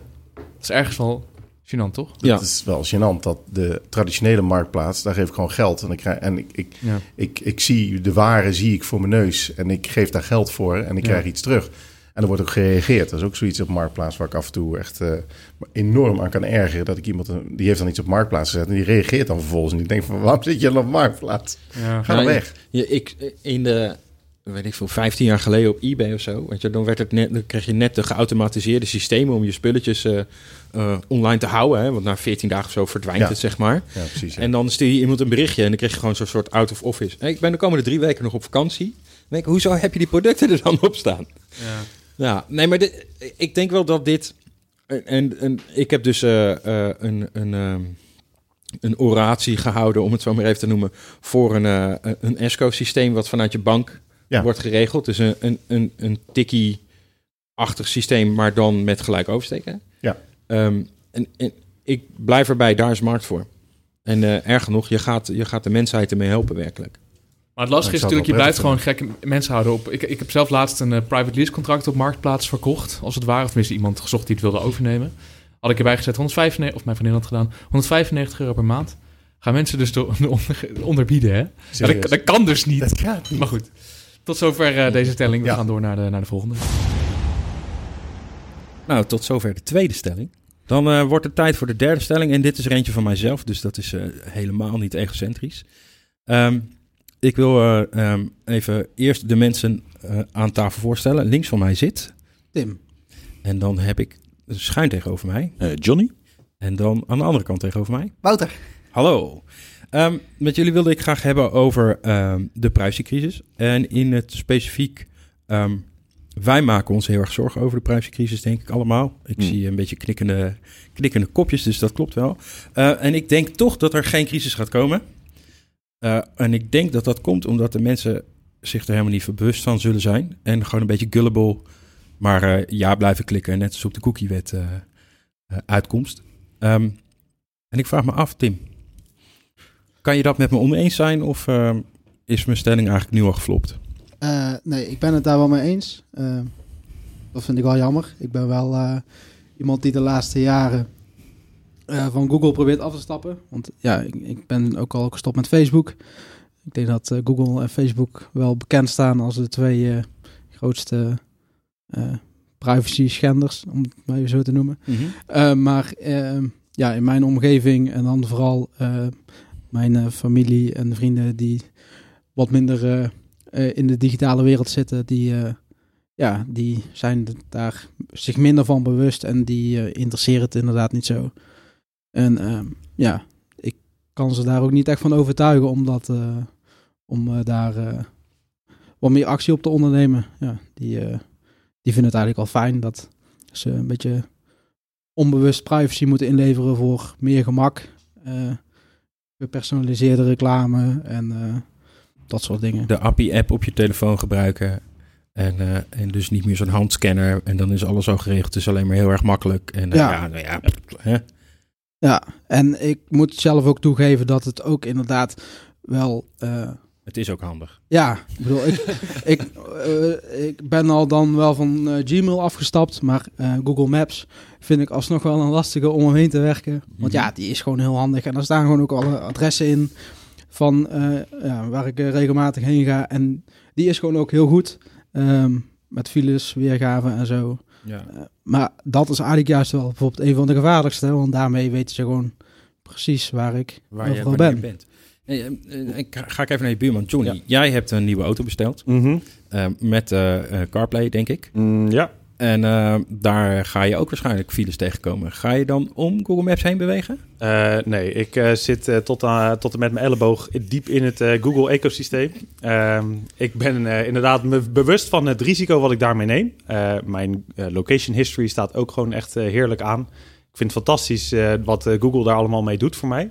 En ik ben me er degen van bewust, maar ik ben nog niet helemaal zover dat ik weet hoe ik me hier ja, of ik dit bereid ben dit om op te geven om, eh, om, ja, om wat meer privacy terug te krijgen. Ben aan de andere kant wel gestopt met eh, Facebook. En eh, ja, goed, maar ik gebruik nog steeds Gmail. Ik gebruik nog steeds Google Maps. En ja, een tijdje geleden dacht ik van nou oké, laten we dan een kleine stap nemen. Ik ga van Google Search ga ik af en dan gebruik ik DuckDuckGo. Ja, en na de eerste keer eh, één letter vergeten kwamen er alleen maar porno-resultaten naar boven. Dus toen was ik al snel genezen van, van DuckDuckGo. nou, toen eh, Startpage geprobeerd. Maar dan merk je toch, eh, Startpage gebruikte netjes Google API onder water. Maar ja, dat duurt eigenlijk gewoon 1, 2 seconden voordat de search eh, results op je scherm komen. Ja, dat ben je niet meer gewend. En ja, dan toch ga je maar weer terug naar Google. Ja, ik ben inderdaad ook eh, eh, DuckDuckGo gaan gebruiken. Maar wat ik daar vooral merk is dat als je op Nederlandse dingen zoekt, ehm, maar dan die dan ook zeg maar Engelse betekenissen hebben, dan krijg je die niet. Ja, dan moet je ver zoeken voordat je die resultaten boven krijgt. Dat er altijd wel echt Ja. eerst de Engelse en vooral Amerikaanse eh, zoekresultaten bovenin komen. Ja, ja, bij mij inderdaad, eh, de Google-resultaten, ik hoef eigenlijk nooit meer op het eh, ootje te klikken onderin. Dat was vroeger nog wel eens eh, dat je naar de tweede pagina wilde, maar dat is echt, eigenlijk alles staat bovenaan. En dat is wat, eh, ja, wat het voor mij zo, zo, zo goed maakt. En, Dan zoek je naar hele gekke dingen als je op de tweede pagina van Google terecht ja, dat eh, vaak wel, ja. Nee, maar Wouter, is het, dan, is het dan dat we niet kunnen overstappen omdat er geen goed alternatief is? Dat is wel een van de redenen, ben ik bang. Want de, het is, die zoekresultaten worden gewoon beter als je, tenminste dat denk ik wel, als je die personaliseert naar, eh, naar iemand. Je, je weet gewoon sneller waar je, eh, je, je zoekt gewoon naar wat je wil je krijgt het gewoon. En dat, dat zijn we inmiddels gewend. Ben al vroeger als ik dingen moest opzoeken, toen Google ook nog minder personaliseerde, dat je soms inderdaad naar de tweede, derde pagina moest. Om, Oh, pagina om- 7 kan ik me ook nog ja, of, of, of dat je, precies, of dat je heel eh, nieuwsgierig op de ik doe een gokknop die toen nog bestond eh klikt. En dat je dan heel toevallig precies goed terecht kwam. Omdat je niet idee had om op die eerste link te klikken. Maar ja, ik denk echt wel dat het, dat het alternatief gewoon objectief minder goed is. Ja, gewoon als je puur kijkt naar de zoekresultaten. Minder goed, maar ook minder bekend. Ook minder bekend, ja. ja. En, en We hebben het woord googlen echt als een Nederlands werkwoord in de vandalen opgenomen. Dus ja, Apple ook. appen ook, ja. Daar kunnen mensen nog wel een boekje over vullen. Ja, appen. Oh, daar krijg ik echt nu al rode vlekken van gewoon als ik het moet zeggen. Ja, dat eh, had ik in het begin ook en nu doe ik het zelf ook. Zo erg is het. Ja, nee, nee, ik vermijd het nog steeds. Dat lukt vrij aardig. Ehm, maar dus, als het alternatief minder goed is, hoe ga je mensen dan overtuigen om, om ehm, voor de minder goede optie te kiezen om zo hun privacy te beschermen? Nou, persoonlijk lukt mij dat gewoon niet. Ik, eh, ik, ik, kan, ik leg meestal mensen wel eens een keer uit. Ja, het helpt ook niet dat ik zelf wel gewoon Google gebruik natuurlijk. Maar ik leg meestal mensen wel uit dat een beetje de risico's zouden kunnen zijn. Eh, en dan laat ik mensen voor de rest hunzelf hun eigen keus maken. Maar goed, echt overtuigen. Ja, zie maar iemand inderdaad te overtuigen van het gebruik van een minder goed product. Ja, of naar openboek in plaats van Facebook of zo. Nou ja, goed, daar zit niemand. Dus, Nee, ja. precies, ja. Hey, hey, dat heet Okuna, hè? Ja, sorry. Ik denk dat het ook sowieso een beetje eh, is omdat het, zeg maar, het, eh, ja, wat er, wat er gebeurt met je gegevens is vrij onzichtbaar. Dus mensen weten niet zo goed wat er dan, eh, ja, Google, dat, dat Google je gegevens hebt is één ding, maar ja, het blijft gewoon een commercieel bedrijf.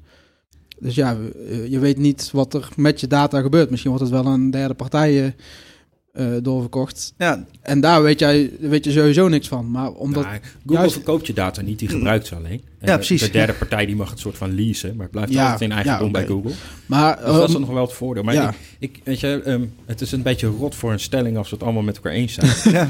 Ehm, dus ik zit een beetje van, hoe kunnen we er nou voor zorgen dan dat dat, dat stukje privacybewaking bij mensen bekender wordt? En ehm, we hebben eigenlijk allemaal geen antwoord. Het helpt ook niet dat ik zie dan mensen graag vaak Apple aan, aandragen als het privacy gevoelige of het privacy bewuste alternatief op alle diensten van Google. Eh, nou zal dat in de praktijk misschien daadwerkelijk zo zijn, dat weet ik niet precies. Maar goed, we weten ook niet wat Apple met onze data doet. Die zeggen dat ze er niks mee doen. Ja. Maar toch denk ik dan van ja, moeten we daar dan maar blind in geloven dat zij dat dan ook niet doen? Kijk, eh, kijk het, het, het gekke aan de, aan de producten en diensten waar we het nu over hebben, hè, we hebben het over Facebook en over Mhm. Google met name, eh, eh, of met name en toename, laat ik het zo even zeggen. Ehm, stel dat er nou een alternatief zou zijn, ehm, Google en, en Facebook zijn nu zijn zo groot, die kunnen het ook gratis doen, omdat ze jouw data gebruiken.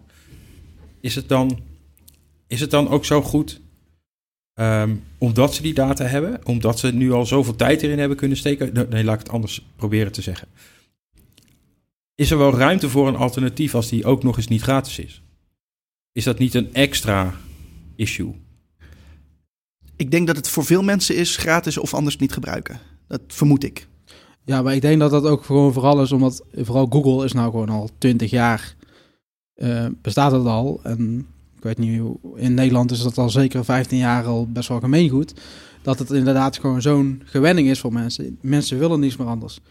Ik heb al wel vaker de term gehoord, de geest is uit de fles. Ja, en als hij er helemaal uit dus die kan niet meer terug.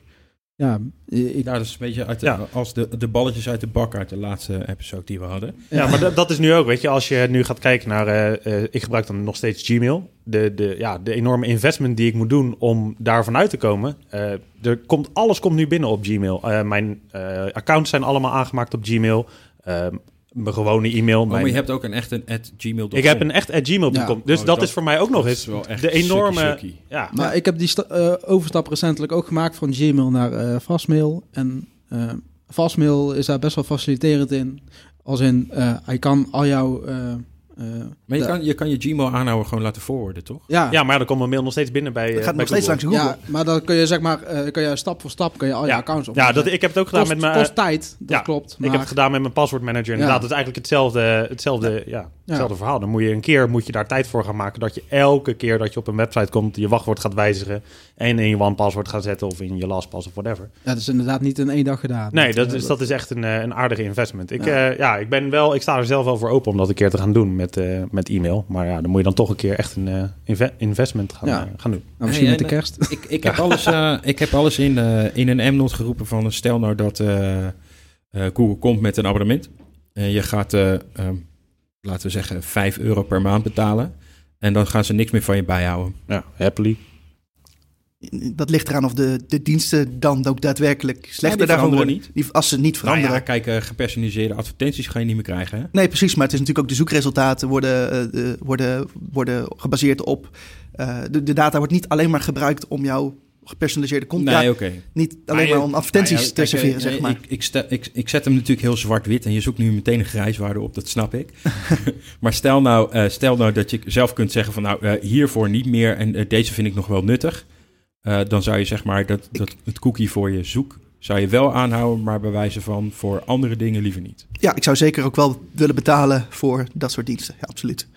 Sterker nog, ik betaal Google al voor sommige diensten. Dus eh, Ja. ja, Ja. ik heb inderdaad ook Google One. Ik heb eh, zo'n, Google eh, Drive en eh, ja, de, zo'n YouTube Premium abonnement heb ik ook. Dus ja, goed. wel via India, toch? Nee, niet via India. Wel een, wel een groepsabonnementje, zeg maar. Nou, ik, ik zeg hier hardop, als ik, als ik ooit de mogelijkheid krijg om mijn privacy op die manier af te kopen, haal ik hem uit India terug naar Nederland. ja. Ja, nou, als zij dat beloven, dan ben ik daar zeker toe bereid. Maar, Ja. Tim? Ja, jij bent al weg voor je gevoel, behalve voor de maps. Ehm, En die was juist ja, het eng. en, en, en YouTube natuurlijk. YouTube is, ja, Daar kan je ook niet omheen. nee, dat Nou, denk ik niet.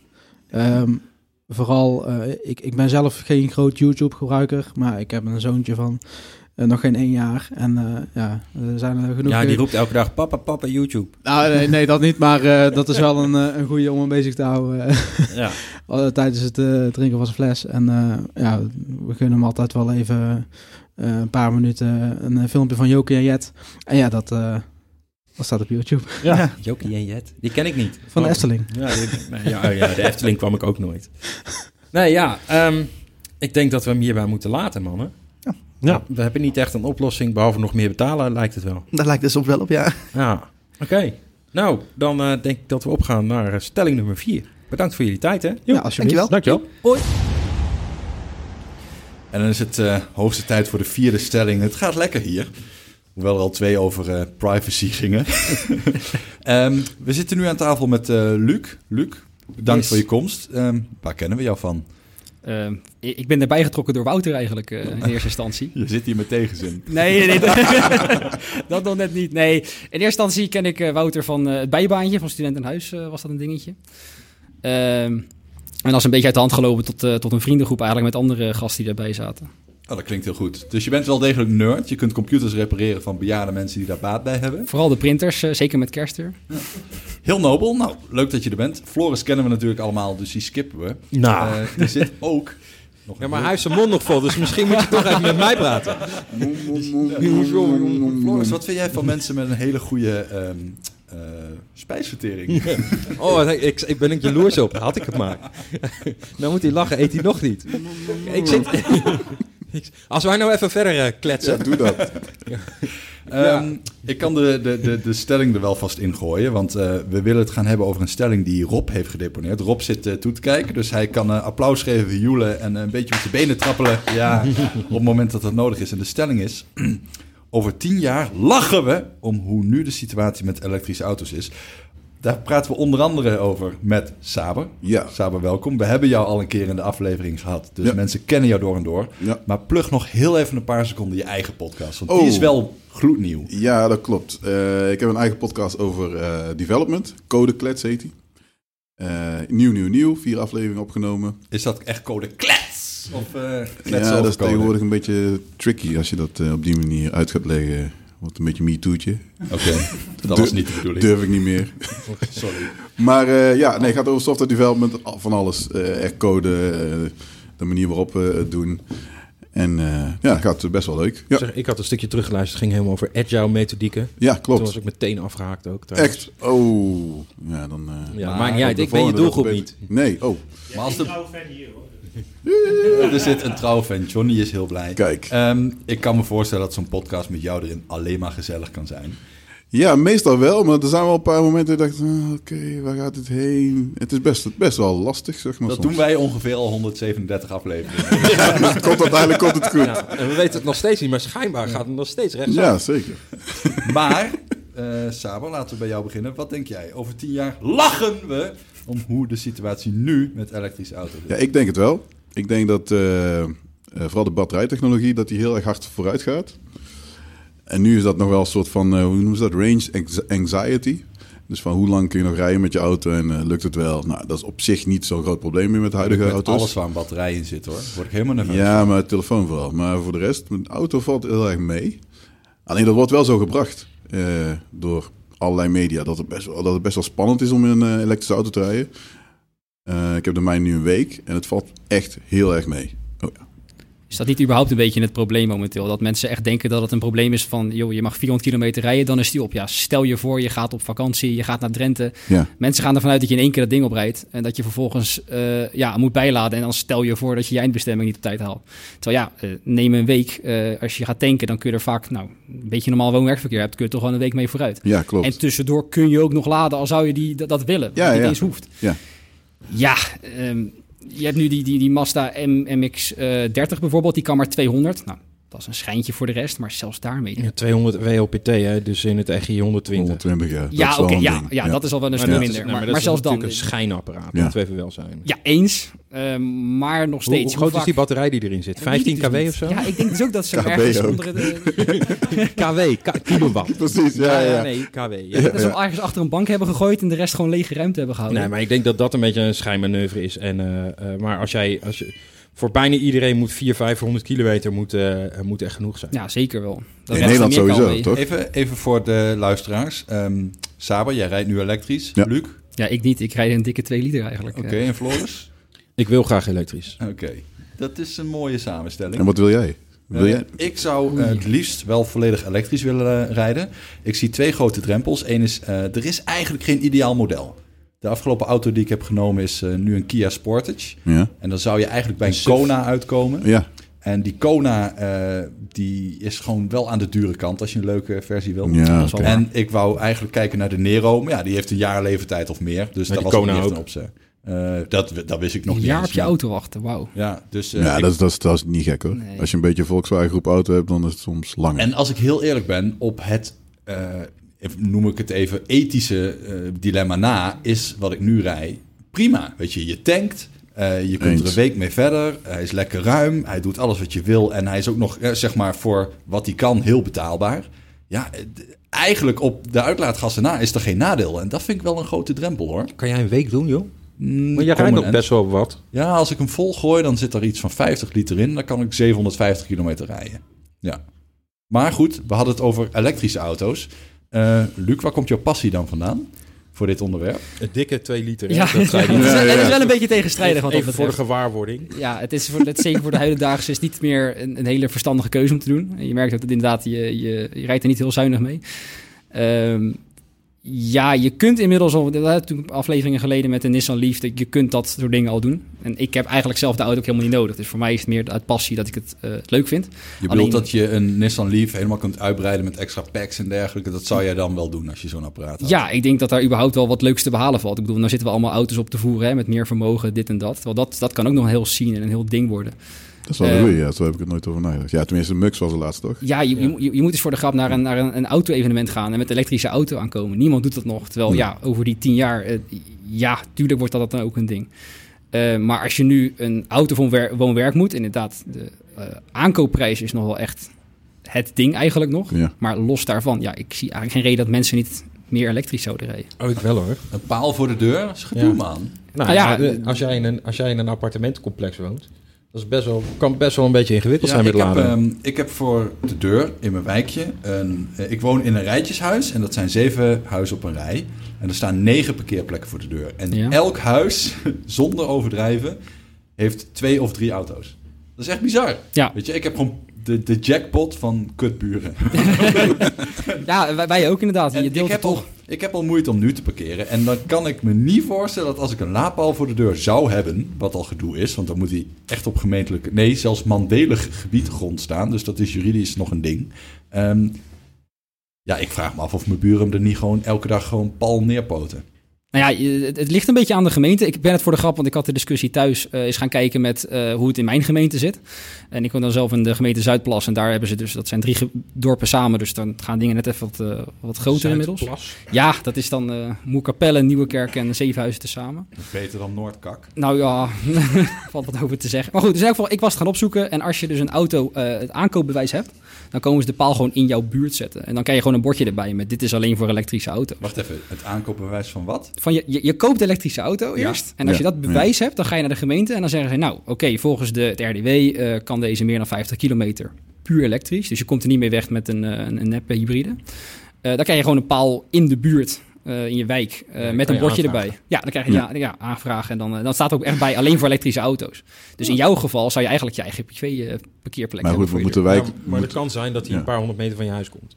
Ja, dat, dat is dus een beetje het, vage. Je moet dus eerst de auto aankopen en dan pas kun je dus eens gaan kijken waar dat ding moet komen te staan. Oh, zo, ja, oké. En, en, eh, en, ga ook niet al te verbaasd staan te kijken als ze er een half jaar over doen. Oeh, dat zou nog wel leuker Ja, zijn. klopt ook. Bij ons heb je niet veel voorbeelden nog waar mensen het doen. Ehm, Nou, ik woon dus in een klein dorpje. Eh, eh, een pittoresk dorpje moet ik zeggen. Mag niet zeggen een klein kutgehucht. van de mensen die er wonen. Eh, maar ik heb eh, een gesprek gehad met iemand die werkt bij een leasemaatschappij. En die gaat nu bij een andere werkgever beginnen. En die wil eigenlijk ook elektrisch rijden en ik ook. Maar we hebben dus geen openbare laadgelegenheid. Dus we hebben gezegd... joh, Esther, jij weet hier bij de gemeente. Kom eens even hier. Hoe, hoe werkt dat? Ze zei ze, ja, als we twee mensen hebben, dan kunnen we er echt niet meer omheen. Dan moeten we. Ehm toen zeiden we, nou oké, en waar komt die laadpaal dan? Ja, waarschijnlijk bij het restaurant, want we hebben een restaurant in het dorpje. ja, En, want dan hebben zij er ook nog wat aan. Ja, ja dat, eh, precies. Dan mag je elke dag daar naartoe lopen om je auto weer op te halen. Ja, als en je dikke kans dat als jij dus thuis komt, dat er toevallig gewoon iemand die zit te eten, Ja. dus zijn auto aan die laadpaal heeft gehangen. Dus ze hebben Ja, daar dus nog geen zak aan. Ja, en of je nou elke dag je auto bij een restaurant wil parkeren, dat is ook weer een, eh, een ding aan zich. Maar goed, het schalen van die laadpaal is wel een ding. Ja, Ja, maar Want überhaupt het laden, denk ik. we gaan er wel vanuit nu dat het paal, eh, dat je hem elke dag nodig hebt. Je hebt Ja. natuurlijk niet, hè, wat we net al voor, een voorbeeld gaven met de tanken. Je tankt ook één keer per week de auto. Hè, of ongeveer. Neem het één keer in de paar dagen voor de makkelijkheid. Dus je Maar, hoeft niet... De stelling is dat we over tien jaar lachen over hoe de situatie nu gesteld is. Zou het dan niet kunnen zijn dat we tegen die tijd gewoon in vijf minuten volgetankt zijn? Ja. Of opgeladen? Ja, ik denk zeggen? dat het wel die kant heen moet, zeg maar. Dus dat het laden veel sneller kan gaan. Dus dan krijg je ook dat, eh, die laadpaal, zeg maar, dat je dat... Kijk, nu was het soms bezet gehouden eh, door iemand die dan dat ding daar neerzet en acht uur later hem weer ophaalt. Dus dan al die acht uur kan niemand anders hem gebruiken. Dus dat is wel een ding. Ja. En dan kan het zomaar zijn dat iemand maar vier uur laat en dan die andere vier uur, ja, gebeurt er niks. En er is nog niet een hele eh, community omheen waardoor je kunt zeggen, hey, eh, haal dat ding nou eens een keer weg. Een website. Nou, wordt wel geprobeerd volgens mij. Ik heb Ja. er wel eens gehoord volgens mij van Ja, die eh, van tweakers die daar ook mee bezig was. Maar ja, dat is wel kleinschalig en net een buurtappje en dan zijn we er wel Ja, je moet je maar even aansluiten, zeg maar. Dus Ja. dat, dat is even... Ja, of een gewoon ding. elke keer dat je auto vol zit hem daar weghalen. Dat dat, dat, dat vanzelfsprekend Nou, maar is. je hebt, je hebt ook al wel wat groter. Je hebt PlugShare. Ja, die, eh, ja. die, is hier wel, eh, die is hier wel goed in. En die heeft bijna alle eh, publieke laadpalen hebben ze er wel in staan. Oké. En dan kan je over het algemeen ook zien of ze be- eh, bezet zijn of niet. Ja. Dus dat, is, dat soort dingen is natuurlijk wel goed. Nou ja, dat het zien dat hij bezet is, dat kun je wel zi- eh, Ja. zien. Maar Maar, je- maar je kan niet zeggen van... Hey, een Frits, ga eraf. van, eh, ja. tijd om op Kapper te er even mee. Ja. Dus dan moet je dan... Daar ontstaat schijnbaar op sommige plekken ook nog wel ruzie over.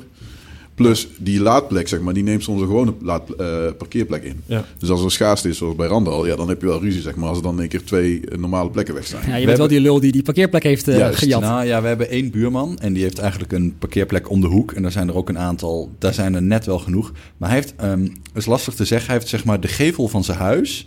Die grenst eigenlijk aan de zijkant zo overdwars aan die parkeerplaatsen. Oh, ja, ja. Dus hij heeft zeg maar één plaats die is de facto van hem. Daar hangt zeg maar letterlijk een haspel zo door de heg Ja, daar die kant op. En mensen respecteren dat Ja, wel. precies. maar je wel eens af en toe een van de buren heeft een feestje of weet ik veel wat. Dan staat die plek vol. Dat mag ook. Het is gewoon niks. Ja, ja, dat is waar. Ehm, Saber, jij hebt een elektrische auto. Ja. Wat zijn voor jou de grootste eh, meevallers en tegenvallers? Dingen waarvan je dacht, dit wordt een issue en dat valt eigenlijk best wel mee. Eh, dingen die de onwijs uit de tegenvallen tot nu toe is de range. Eh, nou ja, tegenvallen. Ik, ik moet wat vaker eh, laden, zeg maar, dan dat ik verwacht- had. Op zich is dat niet per se een issue, zeg maar. Met, een Tesla kun je superchargen, dus je kunt in een half uur kun je eigenlijk de helft van het ding volladen. Want je hebt een Tesla? Ja. Heb je de long range of de... De long range, medium ja. Ja, er zijn van de Model X zijn alleen de long range en de, de hele snelle. En wat zou die moeten doen en wat haal je nu? alleen P100? Of 100? Ja, klopt. Ah, Op dit moment dus- alleen nog maar, ja. Dus eh WLTP 507, 6, zoiets. Ja, dat ligt trouwens die website. Ja, Als je daar 500. een paar keer in gaat, dan wil het wel eens anders worden. Ja, want Elon Musk. Maar eh, ik denk in de praktijk, ja, 350, 400 ongeveer. De, Oh, de dat wordt best een groot verschil eigenlijk wat ze opgeven dan. Ja, Die test dan zou je- moeten zijn. Als je in één stu- stuk door 90 zou rijden, want dat is een bepaalde test. En gemiddeld rij je dan ongeveer 90. Maar ja, dat doen wij meestal niet in Nederland. Zeker Dus dan eh, gaat die range best wel omlaag. En in de winter verlies je best veel. Zeg, Mijn Audi A1 moet ook 1 op 21 rijden. en Ik hou met geluk 1 op 16,5. Ja. Dus, Dus dat is Ja. allemaal... eh, ja, de auto-industrie kun je nog steeds niet helemaal vertrouwen. Zijn er ook meevallers geweest? Ja, het is gewoon een hele grote gadget. Ja. Dus ik weet niet eh, hoe je dat ziet, maar dat is gewoon echt heel erg gaaf. Het Nou, rijdt heel fijn. Je hebt eigenlijk je hebt geen versnellingen. Het is gewoon Gas en gaan. gassen en gaan. Hij reageert meteen. Ehm, Wat mij heel erg opviel, ik heb één keer in een Tesla eh, Model S gereden. Ja. En eh, ook gelijk een heel stuk, dus dat was al eh, gelijk met de neus in de boter. Ja. En ik vond het bijzonder dat je eigenlijk niet hoeft te remmen. Ja, oh ja, dat ook. Soms, ja. kijk, je hebt een rem, maar als je gewoon het gaspedaal loslaat, holy shit, Ja. hij stopt gewoon. Klopt, ja. Dus bij mijn proefrit had ik dat ook. Toen dacht ik, wow, wat is dit nou? Want je laat los en dan gaat hij regenereren.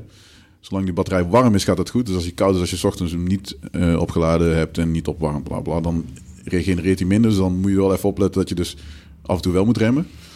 Eh, maar je kunt, eh, hoe noemen ze dat, single pedal driving, zeg maar. Dus dan hoef je je rem eh, ja, eigenlijk niet meer te gebruiken. En dan stopt hij helemaal ook. Dus dat is echt wel heel nice. Je, je wordt er echt heel lui van. Dus als ik weer een andere auto rijd, dan denk ik van... oh, hoe, Hoe werkt dit? primitief is Hij dit, zeg zo maar. ver, hoe kan dit? Ja, precies. En mijn vrouw heeft nog gewoon een handbak, dus dat is helemaal een uitdaging.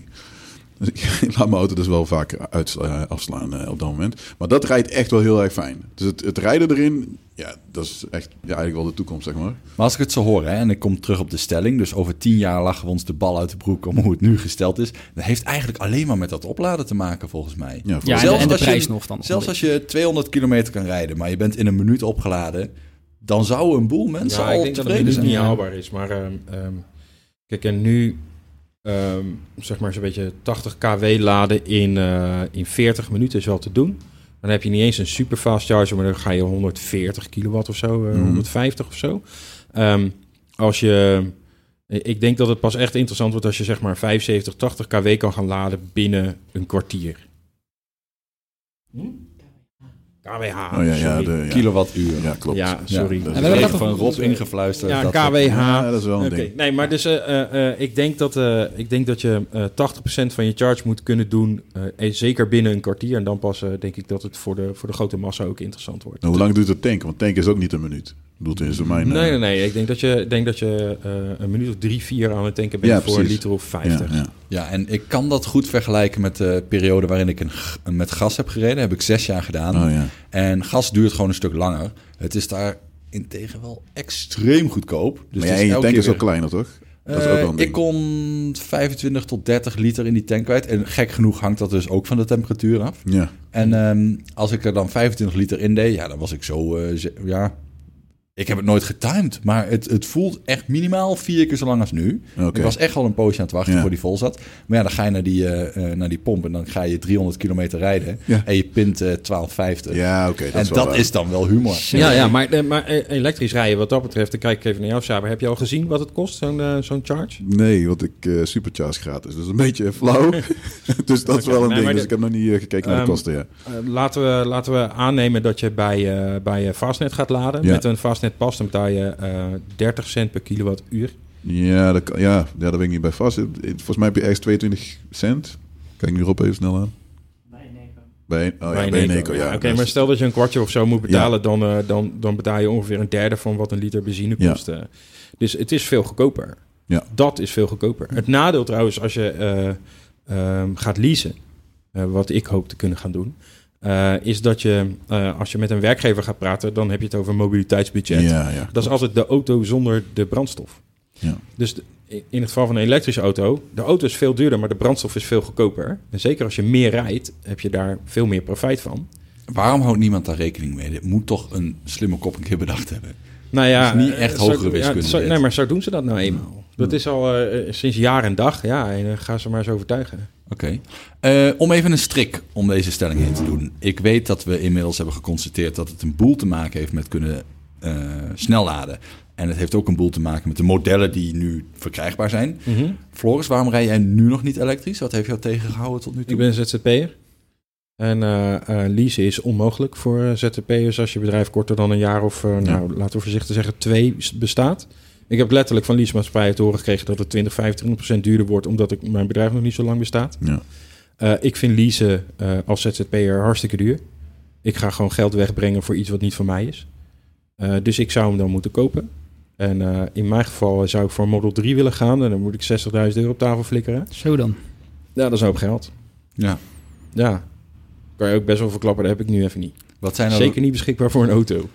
Over tien jaar lachen we dus om de status van nu. Wat zijn de, de top drie punten? Is dat tanken, modellen die er waren en... eh, wat Nou, le- leverbaar- leverbaarheid, beschikbaarheid, denk Ja. ik. Dat is de eerste. Eh, en zo, kijk, eh, de, de Kona is al langs geweest. Ehm, eh, de levertijd, als ik, ik heb toevallig van de week nog een keer opgezocht. De levertijd op, van de week bij een leasemaatschappij stond op 17 maanden. Ja. Ja, laat maar dan. ja, maar dat heeft gewoon geen zin. Nee, maar dat vind ik wel grappig, want ze lachen altijd een beetje om Tesla. En dat ze zeggen, ja, als die auto nu geïntroduceerd wordt, mag je blij zijn dat je er over drie jaar een keer een hebt. Ja, maar, maar dat is eigenlijk voor heel veel modellen. Ja, ja nee, maar laten we wel zijn. Ik bedoel, ze hebben nu die Cybertruck aangekondigd. eh, en die zou in 2022 of zo Ja, er moeten dat- zijn. dat gelooft niemand. Ik ga me niet verbazen als dat 2023, 2024 wordt. Maar als ze er dan eenmaal zijn, dan worden ze ook wel geleverd. Ja. Ze hebben altijd een beetje aanloopproblemen. De eerste 5, 6, 7 maanden. Daarna komt het wel op gang. Hm. Eh, maar het is ook een bedrijf wat nog maar heel kort bestaat en meer van dat. Ik denk dat het pas interessant wordt als, eh, eh, als een, eh, de, de vakgroep en de, de, de, de, de Japanse en Koreaanse Ja. autobedrijven echt in grote getalen aan de slag gaan. En ik denk dat we voor punt 2, ik denk dat we daar een andere accutechniek voor nodig hebben dan we Ja. nu gebruiken. Ja, wat wel, wat wel een beetje een tricky ding is, en dat is voor leasemaatschappijen, ja goed, ik heb niet per se heel veel medelijden met leasemaatschappijen, maar eh, privé, als je een auto koopt, zeg maar nu met de huidige techniek, stel dat over vijf jaar een veel betere techniek is, dat, een, dat je dus binnen Ja. 10 minuten die batterij helemaal vol laat, dan is die restwaarde denk ik natuurlijk wel veel lager. keihard, ja. En dat is dus nog wel een beetje een, een ding, zeg maar. Ja, maar als je privé dat tegelijkertijd geldt dan hetzelfde natuurlijk voor een benzineauto. Hè, als in de tussentijd die Ja, oh EV's als een malle eh, verbeteren, dan Ja. wordt je benzineauto natuurlijk Ja, ook geen zak klopt. meer Of andere wetgeving, net als met de diesels, die zullen ook niet te ja. verkopen zijn eh, over een paar Maar het is wel wat je zegt, want je merkt bij die Leaf ook, die eerste Leafs, die heb je echt voor 7000 euro inmiddels al. Dan zijn ze wel een beetje afgereden. Maar ja, inderdaad, de prijs gaat er hard van naar beneden. Nee, ik zag Zoe's voor eh, de eh Renault's eh ja, een die heb je ook nog. grote, de Zoe. Die zag ik ook voor 8.000, 9.000 euro. Maar dan kan je hem zonder accu, die moet je dus nog huren voor 6 of 7 tientjes per maand. Ja, het is niet jouw eigendom, die, die Of was het tenminste mag je gebruiken. Nou, Oh, nee, nee. Ja, nou in ieder geval eh, ergens tussen de 50 en 75 euro. Om Ja. even hem niet aan vast te houden. Ja, dat is wel geld, man. Ja, dat ben je wel kwijt aan andere dingen. Maar ja. Het, het is inderdaad wel die grote getalen ook met, met eh, wat, wat er te krijgen is aan soorten. Je weet nu dat die Corsa E, die komt uit in, in maart, dacht ik uit mijn hoofd. Ja, maar dat is maar even een Corsa, die, een E voor 35.000 euro volgens mij. Ja, het is nog steeds die prijs inderdaad. Maar het beginnen wel de normalere auto's te worden. Ja. Dat toch de, de, de, de traditionele autobranche begint wel Maar er is er recent natuurlijk ook een snappen. keihard geflopt. Die Opel Ampera E. Oh, ja, maar daar zit ook nog een... eh even kijken, je hebt de Ampera, die had nog een benzinemotor volgens mij. En de. Ampera E had dat weer niet. meer. Die, was, wel volledig. Ja, ja. Maar die was wel 50k. Ja, die was elk veel te duur. Maar ja, laten we eerlijk wezen. Hij is ook wel Gewoon een echt tupperwarebak van Ja, binnen, hij is ook jongen, niet normaal. het, het ziet er niet uit als een traditionele Ja. auto. Nou, dus, eh, eh, en met, mijn derde punt was dus eh, eh, eh, ehm, het laden zelf. Dus er moeten, hè, we hebben nu superveel tankstations, zijn we Ja. gewend. Ehm, met Fastnet heb je ook best wel veel eh, chargers Mhm. eh, onderweg, maar die zijn 50 kilowattuur. En dat is niet heel veel. Als in, dat laat heel langzaam. Ja. Ehm, eh, Zo'n supercharger, die haalt gewoon 200, 250. Dat is gewoon vijf keer zo snel. Ja, die hebben we in Europa nog niet, maar goed, die, dat komt er wel aan. De Amerikaanse hebben Nee, de maar je hebt, oh nee, je hebt van Allegro, geloof ik. Nou, je hebt Oh ja. ander, Ja, ja, de andere leverancier. Ionity volgens mij. Ja, goed, ja. Die, die halen al 250 op de top. Dat betekent dat je vijf keer zo snel kunt laden. Ja. Ja, vijf keer zo kort tanken is natuurlijk best wel een idee. Waar ik nu laatst zeg maar, mee eh, laden zeg maar, was 140 kW. En dan kom je uit op, eh, dat is een eh, ja, leuke measurement, 700 kilometer per uur, zeg maar, wat je dus Ja, bijlaat. inla- bijlaat. 700 km per uur Ja. opladen. Ja. Ja, opladen. Nee, ja, niks. Maar, eh, met die Model 3 kunnen ze dus... eh, zag ik dat je eh 1000 mijl per uur kunt Ja, dat laden. is echt bizar, ja. Maar die laat ook, die, die heeft nieuwere eh, batterijtechnologie, dus er zit andere batterijen in. Ja. Dus die laat sneller dan de X en de S op dit moment. Dus dat is echt wel, eh, ja, de next Ja. level, zeg maar. Heer, het klinkt als een kwestie van tijd. Ja, maar dat is het ook. ja, Ja. is het ook. Ik denk, oh ja, en eh, eh, wat we nog een beetje... Je hebt modellen, heb je gezegd. Ehm, je, hebt nu, je hebt nu een paar kleine autootjes. Ehm, en dan heb je Mercedes en Audi met een soort van SUV-achtige. Ehm, Je hebt natuurlijk eh, Hyundai slash Kia met een SUV-achtige. Maar Mhm. daartussenin zit weer helemaal heel weinig. Ja. Dus je kan, eh, je kan eh, eh, een Kia voor 40k of een, eh, of een Audi voor 95k. Ja, wat ga je doen? Ja. En de- de- de- wat Ja. er tussenin zit, eh, daar zit nog vet veel ruimte. Dus dat- we moeten eigenlijk en een auto in elke ah, klas liever ook. Ja. Ja, dus eh, ehm, de Model I die eraan moet komen, daar zie ik echt wel eh, heil voor. Dat is eh, zeg maar een hoge Model 3. Eh, dus een beetje SUV eh, Model 3. En die schijnt maar een paar duizend euro duurder te worden. Dus dat, dat lijkt me nog wel een hele interessante. Ja, en ik denk dat dus het gamma moet gewoon uitgebreider. Eh, het laden moet makkelijker. En dat levert wel weer hele andere interessante situaties op. Want als iedereen thuis wil laden, daar als je... Dat kan niet. Volgens mij het net nu zou het niet aankunnen. Daar Nee. geloof ik niks van. En de plekken, ja, hoe ga je dat? Dat gaat gewoon niet volgens mij. Dus dat is, het is echt luxe als je nu een paal aan huis hebt. Of, ja, dat is gewoon luxe, zeg maar. Ja. En dan, dat is ideaal, want dan ben je eigenlijk altijd opgeladen.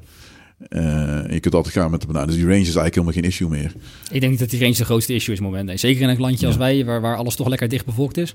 En Ja. lekker kort, nou, relatief dicht bij elkaar. Ja. Dat zal niet de grootste issue voor de meeste mensen Nee, precies. In Nederland hoeft dat niet zo te zijn. Maar goed, als een auto, ja, zo'n Ego, dat is een belediging in principe. Dus die heeft volgens mij een range van 150 kilometer als je Ja, geluk hebt. De LPT is ook 200. Ja, precies. Dus dat, dat daar wel weer bij. Maar als je 300 plus hebt, ja, dan is het geen issue eh, in principe. Nee, precies. Dat is wel waar je op uitkomt inderdaad. Nou, die stelling van Rob eh, heeft de gemoederen aardig eh, bezig weten te houden. Luc, Floris, Saber, hartelijk dank voor jullie inbreng. En eh, Yes. over tien jaar kijken we nog een keer terug. Ja, Lijkt me een Yes. idee. Tot dan. En na een ontzettend gezellige dag is het tijd voor de laatste stelling. Ik heb al aardig wat spaarrood achter de kiezen en ik heb net Micro Mages zitten spelen. Dat is een game die is in 2019 uitgekomen in 40 kilobyte.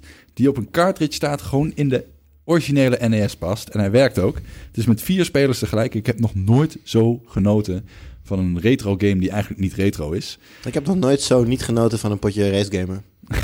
ja, we hebben je Ja, ja, iemand heeft echt mijn ass gewoed met rondje. Ik ben zelfs, zelfs net nog teruggegaan. Ik heb net nog een paar rondjes te rijden, maar ik was niet sneller dan ik aan het begin van de avond was. Wanneer- dat is bij Jur heel makkelijk. Wanneer is de kut game? Als hij niet wint. Ja, nee, dat, is, dat is op zich wel waar.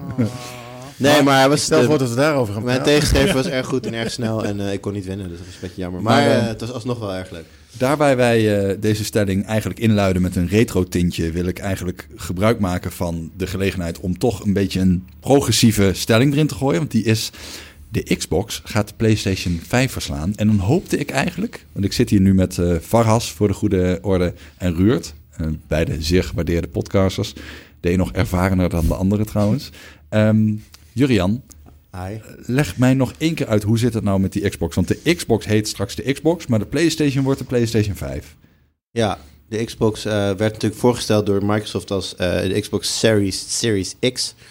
En toen dacht Microsoft, oh dat is super duidelijk. Iedereen snapt nu dat de Series X gewoon een soort van type nummer is onder de nieuwe Xbox. En dan komt dus ook een Series S waarschijnlijk of whatever. En in Microsoft dachten ze van, ja nee, dat snappen we al. Dat snapt iedereen heus wel. En iedereen was echt zo van, huh? Dus eh, dat moesten we nog even uitleggen. Net zoals die keer dat Apple dacht, iPad is nu gewoon iPad. Het was eigenlijk iPad 4, maar nee, wij noemen hem iPad. Daarna komen er weer een R en een Pro en een Ja. iPad. Ja, dat doen ze dus ook. Dus een nieuwe Xbox is gewoon de Xbox. En dan kun je, als je, ja, naar gelang je een model gaat kiezen, wordt het dan een Series X of, een, of waarschijnlijk een andere nog. Nog één vraag, want die hield mij nog bezig. Hij is dus wel backwards compatible, dus je kunt ook 360 games spelen. Ja. Ja. Maar hij is niet zeg maar forwards compatible, dus Xbox One games eh, kunnen, of, sorry, Xbox games kunnen niet op de Xbox One. Dus het is niet Nee. zeg maar een soort Pro 2.0. Nee, nee, nee, nee. Het is wel, het is niet inderdaad zoals eh, toen de Xbox One X uitkwam. Want kijk, dat, dat is het hele ding, hè. Vroeger had je zeg maar generaties. En zo eens in de, pff, het is het ergens tussen de vijf en tien jaar, kreeg je weer een nieuwe computer en dan was het spelcomputer en dan was het een nieuwe generatie. Dat is een beetje weg. Ik bedoel, ehm, zowel Sony als, X- als eh, Microsoft heeft natuurlijk in deze generatie eigenlijk een soort van, ja, hoe zeg je dat? Generatie B binnen Ja. dezelfde generatie gedaan met de Xbox One X en de PlayStation 4 Pro. Dat was al voor het eerst in de geschiedenis. Precies, en daarbij gold nog wel dat alle games die je had ook gewoon op die nieuwe console werkten. Maar dit wordt wel echt een nieuwe, een- in principe een nieuwe Maar eh, generatie. Mag je dan van familie spreken, zeg maar? Dat je de, ze begonnen met de Xbox, de Xbox. En toen hadden ze de Xbox 360. Dat waren, eh, Ja. dat waren e- eenzijdige families, zeg maar. Maar bij de One had Ja. je dan de X, de S en de gewone One. Dus eigenlijk drie in Ja. een familie. Ja, dat- maar dat ga je dus nu weer krijgen. Maar hoe heet deze? Want dan is het eigenlijk Xbox, Xbox 360, Xbox One en nu is het de Xbox. Ja, en waarbij de Series X een van de... eer- Een van de daar, high-end. daar zullen dus meer eh, consoles naast gaan komen. En die zullen ook onderdeel uitmaken van Dan diezelfde worden het dus gewoon verschillende lijnen. Moet je naar de wc-randel? Nee, nee, nog een andere vraag. Want als ik nu een Pentium 4 koop, en dat is een hele oude PC, en ik installeer daar op Windows 10, dat kan. En ik start gewoon, eh, wat? Nee, Waarom niet? dat kan niet. Oké, ik pak de Core 2 Duo en ik installeer daarop Windows 10, dat kan. Dat zou wel Ik zou het zo leuk zijn als hij zei. Nee. Dat kan wel. We gaan eh, gewoon constant eh, overal nee op zeggen. Windows, Windows Nee. 10 uit 2017 misschien. En ik, maar geen 1909. en ik installeer daarop gewoon eh, de meest, wat is nu de hipste game? Computer says no. Nee, de, de hipste nieuwe game. De hipste Ik- nieuwe ik, game. ga daarop de nieuwste Call of Duty installeren. Dan loopt hij wel, maar hij loopt gewoon heel traag. Hij loopt Jedi kut, Fallen dus Order bijna- is de nieuwe hipster. Fallen Order, ja. Ja. Snap je wat ik bedoel? Je hebt een oude PC, je zet daar hele nieuwe games op. Ze starten, ze willen dat je het speelt, maar het is gewoon 5 frames per seconde, zeg maar. Ja. Ja. Dat gebeurt, dat kan.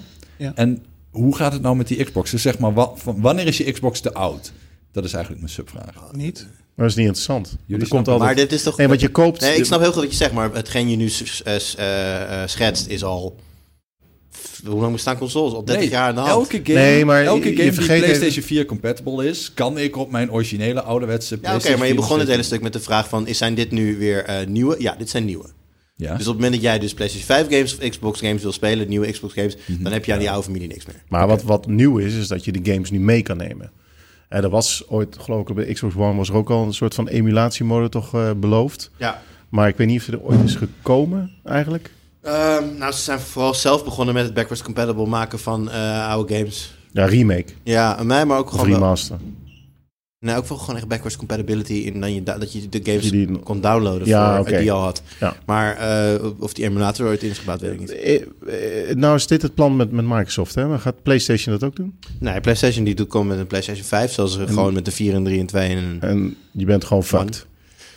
Oh, je bedoelt of ze backward compatible worden? Ja. Ehm, Maar hoe weet- vaak doe je dat nou? weet serieus niet of daar Nou, iets over eh, bekend ik, is. Ik, ik vond het wel interessant, want jullie hadden in de, in de, bij de Tweakers podcast hadden het erover. Van ja, daar komen er altijd wel remakes, maar ni- niet van elke game komt er een remake. Ik weet toevallig dat Burnout Paradise heb ik best wel lang op moeten wachten. Dat was een spel wat, we, wat mijn kinderen heel graag op de PlayStation 3 speelden. En de PlayStation 4 kwam die gelukkig nog toevallig als een remaster. Maar bijvoorbeeld een, eh, een eh, Force Unleashed is nooit op de PlayStation 4 terechtgekomen. En, en mijn zoon die vond dat onder andere hartstikke leuk spel om te spelen. Ik overigens ook. En dus dat, ja, als je dan uiteindelijk, ik heb uiteindelijk heb de PlayStation 3 heb ik ten faveur van de 4 heb ik de deur uitgedaan. Ja, dan ben je dus wel een game ben je kwijt. Dus ik vind dat dat het meegenomen wordt, vind ik wel heel positief. En dat is ook een beetje het mooie, want jij schetst dat voorbeeld van, van PC's. Kijk, het mooie met een PC is dat ik, ik heb een game en eh, eh, ik upgrade op een gegeven moment mijn PC. Ik steek er een nieuwe videokaart in. Mhm. Vorige keer over gepraat. Eh, dan kan ik die game opnieuw spelen. Dus ik neem die game neem ik met me mee. Ik neem die oude gameervaring neem ik met me mee. Mhm. En ik vind dat wel bij, tot nu toe bij, eh, bij consoles wel een, een ding. En zeker bij de PlayStation. Dat ik daar wel een beetje van baal. Je, je investeert best wel veel in een bepaalde game. En die kun je op een gegeven moment kun je niet meer meenemen. Nou, want ik vind Is dat misschien wel hetgene wat het maakt, maakt of kraakt? Nou, Ik vraag me gewoon af of de nieuwe Xbox een console wordt waarbij eigenlijk wordt gezegd: we laten dat hele versienummer weg. We noemen het gewoon de Xbox. En dat dat ding eigenlijk tot in de lengte der dagen ondersteund Ja. gaat worden. Vraag ik me af. nee, dus niet. Nou, dan moet je bij de Series gaat A uit- beginnen. gaat hij weer een keer een andere naam krijgen? Hij heeft al een andere naam. Het is de Xbox Series X. Zo, wat, wat, er komt bijvoorbeeld, ja, dit is natuurlijk speculeren, maar er zijn hardnekkig gerucht dat er ook een Series S komt zonder fysieke disk drive. Dus je krijgt op een gegeven moment een game, en dan zie je achterop, hij is compatible met de Xbox Nee. dit, de Xbox dat, de Xbox denk ik zo. niet. Nee, maar de Xbox, andere het resolutie. is Xbox One is een familie. Dus Xbox One S, eh, en dat ga je nu gewoon weer krijgen. En op het moment dat er over acht jaar een heel nieuw apparaat met een hele nieuwe, eh, hè, voor een nieuwe stap komt, dan krijgt hij gewoon een andere naam weer. Oké. Dus je krijgt nu weer een nieuwe Xbox-familie. Ja, maar de volgende, als daarna... Maar goed, dat is allemaal zo ver weg nog. Maar ik denk niet dat de, de games... eh, kijk, de games zullen wel specifiek voor de generatie zijn, maar niet voor die subtypes. Dus de, de Series X en de Series S en whatever er in deze familie komt... Ik denk dat, dat ze het Ja, onmogelijk maken voor gameontwikkelaars... als ze zeggen van ja, maar dat werkt wel op die en Nee, nee, natuurlijk niet. Maar dat, Dan dat gaan ze het nooit zeggen. doen. Ja, Ja, nee, is het PlayStation wel. Je hebt toch... Eh, nee, want de Pro, ik kan op, ik kan, eh, Je kan eh, alles spelen wat je op ik Pro kan, spelen, eh, God of spelen, War ja. kan ik op de PlayStation 4 kan ik die spelen en ik kan ook op de PlayStation Ja. 4 Pro spelen. Het voordeel van de Pro is dat het 4K, of ja, 2K checkerbox en het is HDR. Dus de, de game ziet er mooier uit, maar dezelfde content Nee, staat het erop. werkt gewoon op alles. En dat ga je in deze generatie ook zien. Anders vragen ze alleen... blijft dit vanaf nu aan de basis en gaan nu voor de rest of our days alle Xbox games werken op deze Xbox? Dat is absoluut niet zo. Nee, dat verwacht ik ook niet. Dat, maar goed, dat is ook een vraag die pas over acht jaar eh, een keer relevant wordt. Als dan weer, of zes jaar, als dan weer een nieuwe generatie voor de deur staat. In hoeverre is de PlayStation 5 concreet aangekondigd? Ja, dat wordt overal geteased. Nou ja, hij is nog niet geshowd als in dit is hem. eh, wat bij Xbox natuurlijk wel gebeurd is. Maar eh, er zijn al zoveel, er zijn al gewoon letterlijk on-record interviews gegeven over de hardware die erin zit. Over de al. ideeën die ze erbij hebben. Er is ook alweer interviews, of er zijn alweer eh artikelen over, volgens mij al eh, journalisten die al naar tech demo's zijn geweest en zo. Volgens mij is er zelfs een filmpje zelf online waar ze laten zien eh, wat het verschil is tussen de laadtijd met Ja. een bepaalde game ten opzichte van de andere. Maar dat is een beetje oneerlijk, En- want dat is ten opzichte van een En game ook die nu in, is. eh, in, tijdens de Video Game Awards had je die, god weet die, met die, een- met die God, Godfall? God, dingen. ja, Godfall, die liet ze al Ja, zien. Ja. die werd, daar was een, een teaser van en daar stond er ook verschijnd voor, voor mij Steam stond logo stond er en of Epic, ik weet niet meer. Nee, Epic, Epic Store. En, ehm, en PlayStation 5 stond gewoon letterlijk daar. Dus De ja. devkits waren ook al gelekt, toch? Oh ja, dat, dat kan goed zijn. Maar goed, in, eh, om, om aan te geven dat dat ding wel aangekondigd is. Ja. Alleen niet met de fanfare die daar soms bij wordt gebruikt. Maar dat wordt waarschijnlijk E3 dit jaar. Nou ja, de, de, de hardware reveal zou goed kunnen. Ja. Nu was de stelling eigenlijk dat de Xbox of de PlayStation 5 zou gaan winnen. En welke van de twee dan? Ehm, nou, de Xbox gaat winnen. Dat is, is- de stelling. Oké. Ja, ik, denk dat de, ik denk dat die vraag heel erg afhankelijk is van naar welk territorium je kijkt. Mhm. Ehm, en eh, wereldwijd verwacht ik dat de PlayStation 5 alsnog wel gaat winnen. Maar Qua verkoopcijfers dan, hè? kunnen we... eh, Dat, dat, dit vind ik even een belangrijk punt. In hoeverre kun je echt spreken van een overwinning in de afgelopen generaties? Want waar Nou, ik een beetje bij blijf haken is... oké, PlayStation 5 heel er erg dik, of 4 heel erg dik. Er zijn heel veel meer PlayStation 4's verkocht en ook meer games. Maar die Switch, die, die fietst er een beetje tussendoor altijd. Ja, maar, dat is Ja, toch maar een die Switch moet je niet eh, meenemen. Ik denk, het het is wel goed om even de is knap, 360... Al neem Pak de al neem je 360 wel mee, wint de PlayStation 4 nog. Maar pak nou eens de 360 en de PlayStation 3. Was het daar, eh, daarbij, zeg mijn buikgevoel, dat de 360 juist de winnende console was? Maar was dat ook echt zo? In aantallen? Durf ik je niet eh hard op te zeggen, maar het lag veel dichter bij elkaar Ja. dan dat nu deze generatie aan de, aan de gang is. Ja. Er was niet sprake van een, een gigantische kloof en die is er nu wel. Maar waar lag dat aan? Eh, aan verschillende dingen. ehm, ehm, time to market is daarin de belangrijkste factor. Dus In ze zijn heel nu veel- ook eerder? In nou, ja, in heel veel territoria eh, is gewoon, eh, was de Xbox veel te langzaam en veel te weinig beschikbaar. Mhm. En eh, zoals voor, onder andere in Nederland eh, was, was PlayStation eerder. En toen de Xbox One een keer uitkwam, waren er veel te weinig. Du werd er ook, duurde het veel te lang voor ze echt goed uitgeleverd werden. Ja, is dat het? Nee, het, ik, ik, ik denk dat... En het, en dat is, dat, nou, dat is, daar begint het mee. Kijk, op een gegeven moment Ja, heb je ja, dan die installbase. En dan, twee is... Ah, kijk, zo'n installbase trekt ook meerdere mensen naar zich toe. Van, oh, hè, stel, jij hebt die PlayStation. Als die heeft die PlayStation. Ik ben aan het twijfelen. Ik, ik wil met jullie gamen. Haal ik Ja, die PlayStation. pak Weet je wel? een Dus PlayStation. als, als, als in een vriendengroep een aantal mensen overstag zijn gegaan... voor hetgeen dat er te koop is... Mhm. Dan, dan trekt dat de rest van de groep veel sneller die kant op. En daarnaast, en dat, maar dat kwam pas in een latere fase... eh, de support van de first parties. Ik bedoel, op het moment dat jij... Ja, de studio- content was veel sterker. Precies. Eh, eh, En kijk, uiteindelijk bij een gelijk aantal consoles in een, in een gelijke installbase Mhm. Geldt uiteindelijk die regel content is king. Content is king, ja, en, precies. Nou, dat, dat kan, zeg ik, in, in dit geval altijd, ja, ik sterker nog, ik denk als je uiteindelijk Xbox de, de games van, van Sony had gegeven en vice versa, had het nog heel spannend geworden, omdat Hmm. Sony dus die installbase voor, voorsprong had. Maar uiteindelijk hebben ze en die voorsprong gehad en de betere studio's. Maar- ja, dan is, dan is het even. een dubbele win. Ja, en dan ook nog een keer een, een, een scheidbeleid als het gaat om multiplayer. Dat helpt ook.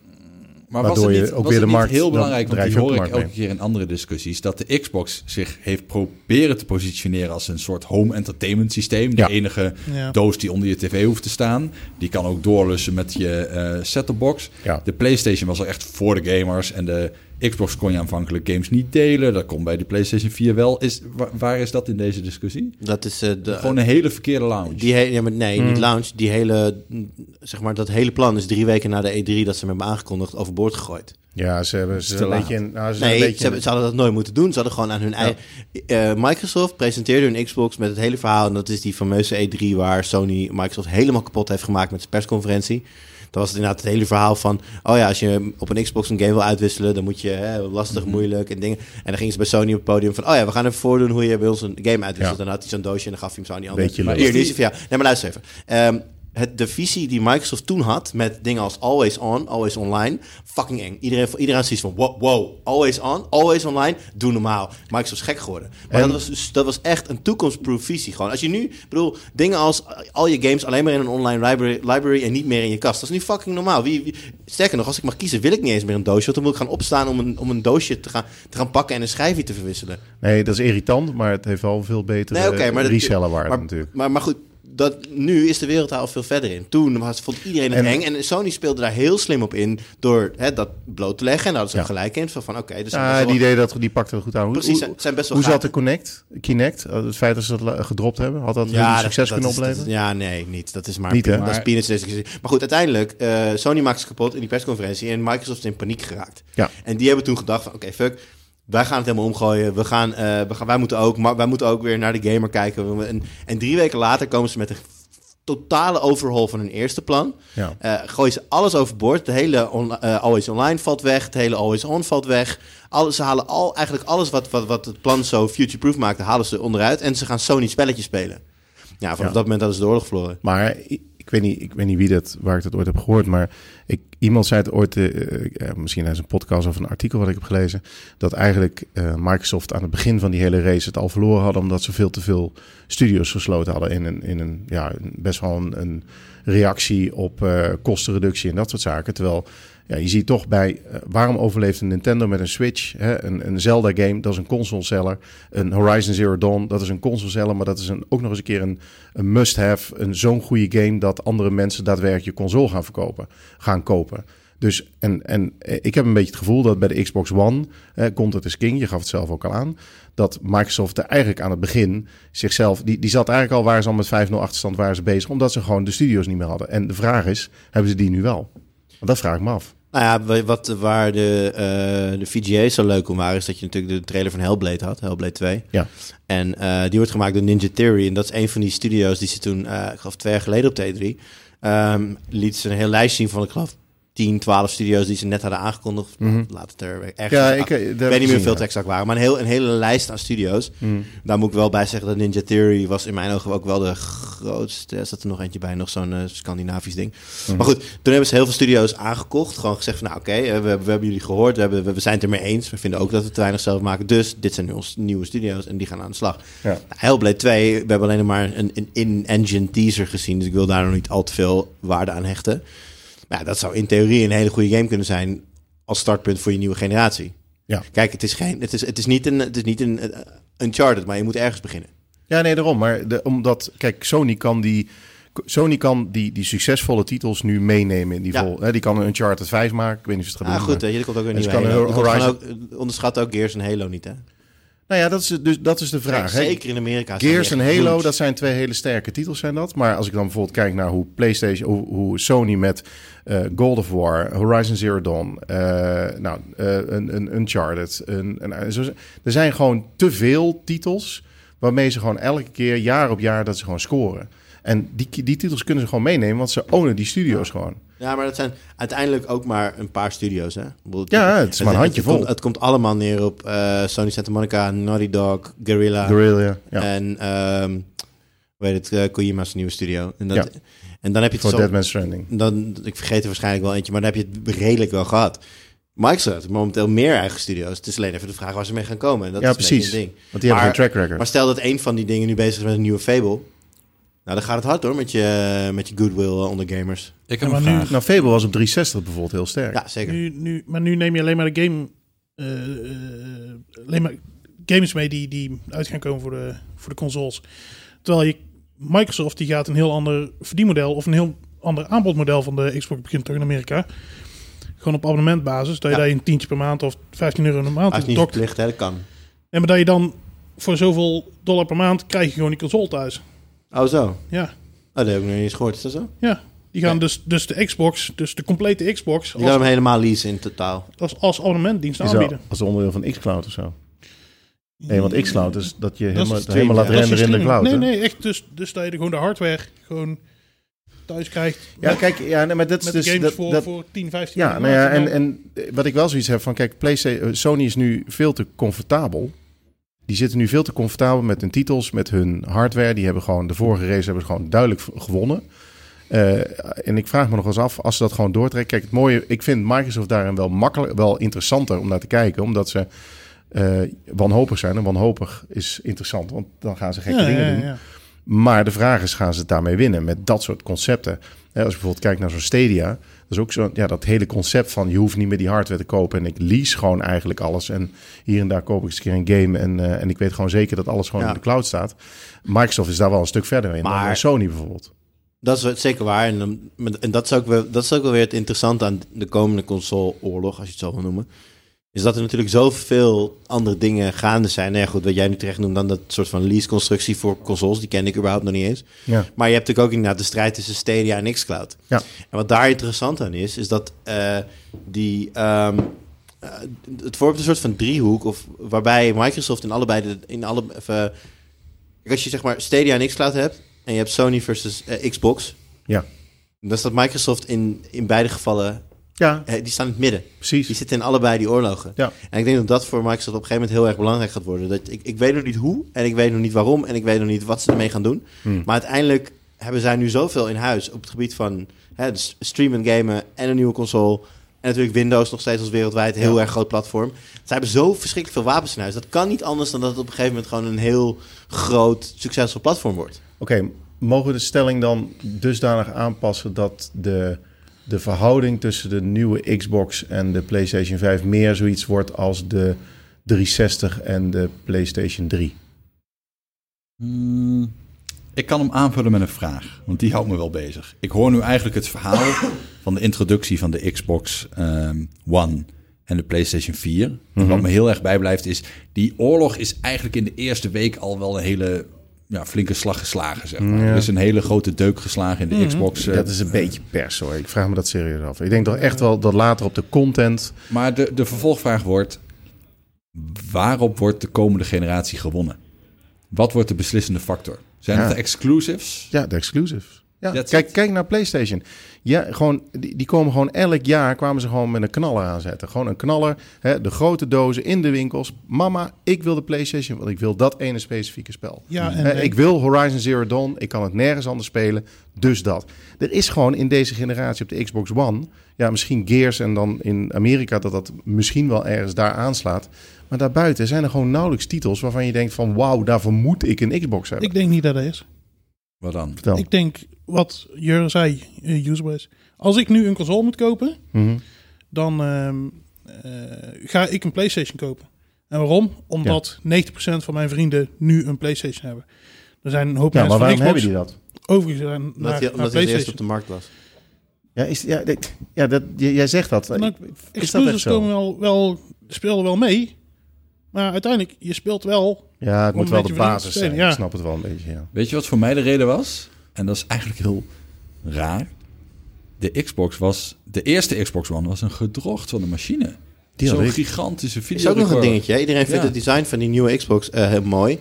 Nou, ik weet, ik ben niet zo eh, goed in het beoordelen van vormgeving dat ik weet of het mooi of lelijk is. Ik vind hem oké of zo. Maar hij past ook niet in mijn meubel. Ja, het is een beetje een stom design. Het is, het is een zeer, zeer onhandig. Zelfs als ik hem plat leg, want het is een soort van rechtopstaande, eh ja, hoe zeg je dat? Soort twee kubus op elkaar. Ja, je ziet het als twee kubus op elkaar, min Ik vind zo'n zo'n zo'n ding waar je sigaretten in uitdrukt. Ja, ik, ik, ik noem het... Ja, nee, zo wat je buiten hebt staan. Ik noem het. Dat is nog barbecue. steeds een asbak. Maar zelfs, Dat is ook een asbak. Dat is ook een asbak. Jezus. Maar ik denk dus, eh, kijk, staan past hij sowieso niet onder mijn, eh, in, in de vakjes in mijn tv. Maar zelfs als ik hem, je kan hem dus plat leggen, dat hebben ze al bevestigd. Hij gaat niet stuk als je hem plat legt of zo. Maar zelfs dan denk ik dat hij te Ja, dik het- is om in die laadjes het te passen het daar. niet, eh, Dus ik heb geen idee. welke- En ja, dit klinkt misschien heel stom, maar een, een, een, een, een machine die je niet op een logische manier kan wegwerken in je, in, op de plaats waar je gamet, heeft a long way to go. Maar is het dan raar dat het mij niet uitmaakt hoe dat ding eruit ziet? Ja. Ja. Maakt mij echt niet uit, als die controle maar goed is. Ja, maar oké, maar je moet hem echt neerzetten. Waar ga je hem Ja. neerzetten? Ja, dat maakt mij het niet uit. Nou ja, ik heb mijn Gewoon PlayStation ergens. bijvoorbeeld verbannen aan een meterkast. De wat? Je PlayStation? Mijn PlayStation Pro staat in de meterkast. Kan niet. Hoe ga je Ik dan heb, spelen? ik Zit je heb- dichter bij je internet? Dat is waar. Ja, nee, ik heb een, eh, ik gebruik een HDMI eh, Ethernet extender. En dan kun je gewoon, eh, dan steek je gewoon aan de ene kant steek je HDMI in, dan loopt het over Ethernet, loopt het naar mijn televisie toe. Daar heb ik weer een kastje die zet Ethernet weer om naar HDMI. En, dan komt controle- gewoon 4K HDR komt er doorheen. En die controller? Ja, die controller, ja, dat is namelijk het ding. Mijn meterkast is, er zit zeg maar in dezelfde soort van ja, gebied, zeg maar. Dus ik heb, ik heb, ja, dit gaat het podcast niet werken, maar ik heb hier mijn tv, tv staan en daar is mijn meterkast en hier zit ik. Mhm. Dus de afstand ten opzichte van mijn tv is ongeveer net zoveel als de afstand tussen mijn meterkast. Alleen er zit een muur tussen. Maar ja, goed, via Bluetooth werkt perfect. Oké, dus sowieso kom ik een keer een gameavondje bij jou doen. Ja, maar die maakt een teringherrie, dat ding. Ik, Fallen Order begon ik te draaien. Ik begon me gruwelijk te ergeren aan die pro. Er is echt te blazen van heb ik jou daar. Dat haalde me echt helemaal uit die game. Maar hoe is de latency? Want Jur is daar Latency nogal is mee prima. eh, voor, mij, voor mij is die prima. Ja, sowieso bij Fallen Order zit er een rare latency. Maar als je hem dan eh, toch in de meterkast zet, dan maakt het toch niet uit hoe hij eruit ziet. Nee, klopt. Dus, dus voor mij maakt het niet uit. Oké, het is Zijn we slecht. het nou eens dan? Ja, Nou, ik, nou, laat zo zeggen. Ik wil eigenlijk dat Microsoft wint. Je gunt het ze. Ik, ik gun het ze en ik vind dat Sony... Kijk, weet je wat het is? Eh, ik, ik ben daar wel van... Dat, dat is mijn mening, hè? Dus dat, dat hoeft, misschien klopt er helemaal geen reet van. Maar in de, eh, dus, eh, eh, in de PlayStation 2-tijd was Sony was complacent. In de PlayStation 3-tijd hebben ze op een flikker gekregen van 360 en zijn ze wakker geworden. En zijn ze voor de 4 zijn ze enorm veel eh, eh, eh, effort gaan steken in die content. In ook eh, op het juiste moment op de markt komen. Maar ook voor zorgen dat die content gewoon strontgoed is. En, En- nu, en de beschikbaarheid van de en nu zijn ze gewoon, ze zijn, eh, ja, ze kunnen op een lauweren kunnen ze rusten. Waarom zouden ze nog goede games uitbrengen? Want iedereen gaat toch wel voor de PlayStation, noem maar even iets. En dan is het juist heel, dan is, dan geloof ik wel in concurrentie. En op het moment dat Microsoft ze echt het schuur, vuur aan de schenen legt en ze misschien in de volgende generatie wel een keer op een nummer zetten, dan wordt de PlayStation 6 wordt nog fantastischer. Dat zou mooi zijn. Want dan ben ik als gamer ben ik rijker. Iemand nog laatste woorden over dit onderwerp? Ik zie Maar tevreden nemen gezichten. Nintendo dat... eh, En Nou ja, Nintendo die fietst hier als een soort gek eh, dingetje Ik heb maar één vraag aan Nintendo op dit moment. En dat is, eh, maak Windweker ook beschikbaar voor de Switch? maar Daar wat, ben ik een wat zou mens. Nintendo moeten doen een eisende om vraag, hè? echt weer belangrijk te gaan? Of, met Nintendo moet gewoon wat doen wat Nintendo doet. Ja. En dat doen ze, dat doen ze goed, want zij hebben hem. De, de Nintendo en hun games, dat heeft een, een soort van hele aparte groep mensen. En dat kunnen ook mensen zijn die Xbox en PlayStation eh, gebruiken, maar dat zijn mensen die het er altijd naast hebben. Dus die hoeven niet te vechten tegen de PlayStation en de Xbox. Het zou heel dom zijn als ze dat überhaupt gaan proberen. Volgens mij hebben ze het met, eh, wat is het, de 64 of daarna hebben ze het wel even geprobeerd. En dat was dom, dat moeten ze niet doen. En het feit dat ze voor die Switch zijn gegaan was natuurlijk geniaal. Want ze wisten gewoon dat Sony, die, ging, ja, die had een Vita toen op dat moment wel. Maar ja, eigenlijk was het ook maar eh, van, nou, dit is onze la- laatste poging. Microsoft, die begon er geen eens aan. Ja, en, en ja, Nintendo hoeft dat dus ook niet te doen. Die, die kunnen gewoon lekker doorfietsen met hun Switch. En die komen ze daar komen die wel weer met iets unieks. Die zijn gewoon eigenwijs en die hebben een eigen ding. Hoe vaak ik wel niet heb gedacht, kwam die ene nieuwe hippe game maar uit voor de Switch. Want had ik lekker op de bank kunnen zitten gamen. Ja. En had mijn vriendin lekker Expeditie Robinson kunnen kijken. Wat, wat ik nog wel, ja, dat zeker. Wat, wat, wat ik nog wel heb met deze aankomende generatie is dat ik graag iets nieuws wil. Waarom hebben we nog steeds geen VR? Eh, waar is de hele motion gaming eh, gebleven? Eh, eh, waar zit de Dat er interactie met waarom de- wil je motion gaming? Ja, nee, motion Kijk, gaming ben je, ik je begint zelf al meteen te zuchten, dat zegt veel. Nee, daarom. Dat, dat- dus misschien wil ik dat gaming niet. is bij Maar deze VR, waarom, maar waarom geen VR? Omdat het niks toe... Het, brengt niks echt. Ja, dat VR is fantastisch. VR is fantastisch, maar de hardware die VR nu heeft, zeg maar, wat we nu hebben, Ja, dat gebied ja, is gewoon niet Maar toereikend. waarom maakt Microsoft... Microsoft heeft een superkrachtige console. Waarom maken ze geen VR-bril? Wie hebben ze? HoloLens? Ja. Twee? Hij zei een krachtige VR-bril. Nee, maar dus nu, de, de reden waarom VR niet doorbreekt, omdat iedereen een, een, echt een knoer van de televisie moet, of PC moet hebben. En nog eens een keer zo'n rare helm op moet hebben. Nou, PC, eh, PlayStation heeft die, die PlayStation, eh, god hoe heet dat denk ik ook weer? PlayStation Lens, help me even. PSVR. De VR, ja, nou goed, maar dat doen ze ook maar halfslachtig. Eigenlijk vinden ze dat ook niet super belangrijk. Dus ze trekken het VR-stuk in ieder geval niet in, in, in volgende ik hoogte. denk niet dat VR iets gaat worden. Kijk, het- Nee, daar vrees ik ook voor. Maar VR ik wil wel eens een keer iets nieuws. En VR mist gewoon eh, een... een, een ehm, eh, oh, dan heb ik het woord kwijt. Eh, je hebt een, een, een, een, een, een feature nodig die alleen in VR beschikbaar is. Ja. Net als... eh, kijk, smartwatch. Daar is er ook nog... Nu, ja... Weet je idee smartwatch gaat winnen. Nu tegenwoordig. Ja, daar ben ik wel met je eens. Omdat die... Je hebt nu ehm, Apple Pay. Dus je kunt betalen. En dat is... Verrek, ja. En dat is heel erg. Ik bedoel, het heeft mij over de streep getrokken om een smartwatch te kopen. Dat is de, de, de, de exclusieve feature geweest. Ja. En V- VR heeft nog geen zo'n. Oké, VR heeft Half-Life. Alex. Ja, daar gaan we allemaal. Moi. Ja, maar dat is. Dat is Nieuwe Half-Life, man. Ja, er is geen reden voor mij om je die 1200 hardware die we euro. eh, Ja, I know. ga je daar 1200 euro voor uitgeven voor de game? Nee, nee. Nee, ja, dus- nou ja, dat, dus- nou, dus- ja, eigenlijk wel. dus ik, eigenlijk wil ik dat wel gaan doen. Maar ga je het doen? ja, Dat zullen we in de toekomst eh, moeten horen. Dat is het ding, snap je? je ik denk dat we er eruit zijn zijn. wel Ja. mensen die zeggen van oh, eh, eh, Half-Life Alex, maar niemand gaat 1200 euro uitgeven Nee. voor zo'n ding. Ja, voor alleen die ene Wat dan game. wel? Nee, er moet gewoon nieuw hardware komen. Dan Nou, wat, er wat, maar wat is er nog, nog te halen dan in gaming? In gaming in het algemeen, dan worden we echt een meter breed. Nou, we hebben net een poging gedaan om vooruit te kijken. Hier in eh Awesome Utrecht doen ze een hele goede poging om vooral achteruit te kijken, want er is een heleboel te doen. Ik eh, ga jullie hartelijk danken voor de enthousiaste inzet. Ruurt, Hassie, Jurian, hartelijk bedankt.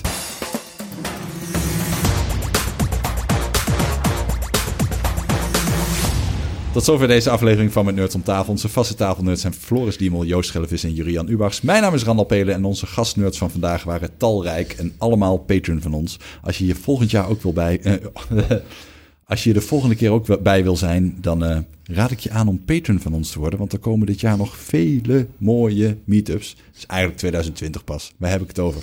Nou ja, meer informatie over ons is te vinden op mnop.nl. En daar vind je ook een pagina met tips over hoe je ons kunt steunen. Bijvoorbeeld door het achterlaten van een review in je favoriete podcast-app. Je kunt ook jezelf steunen met een t-shirt of een hoodie uit onze nieuwe shop. Ik heb een heleboel hoodies en t-shirts gezien hier op deze meeting. Dus eh, ze vinden gretig aftrek.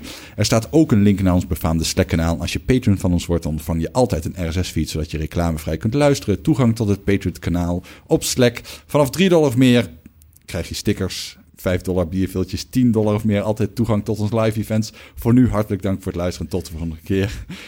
Hassie zit te grinniken omdat ik niet uit mijn woorden kom door de hoeveelheid spaarrood. Dus eh, bedankt dat je het met me uit hebt gehouden. Goed zo.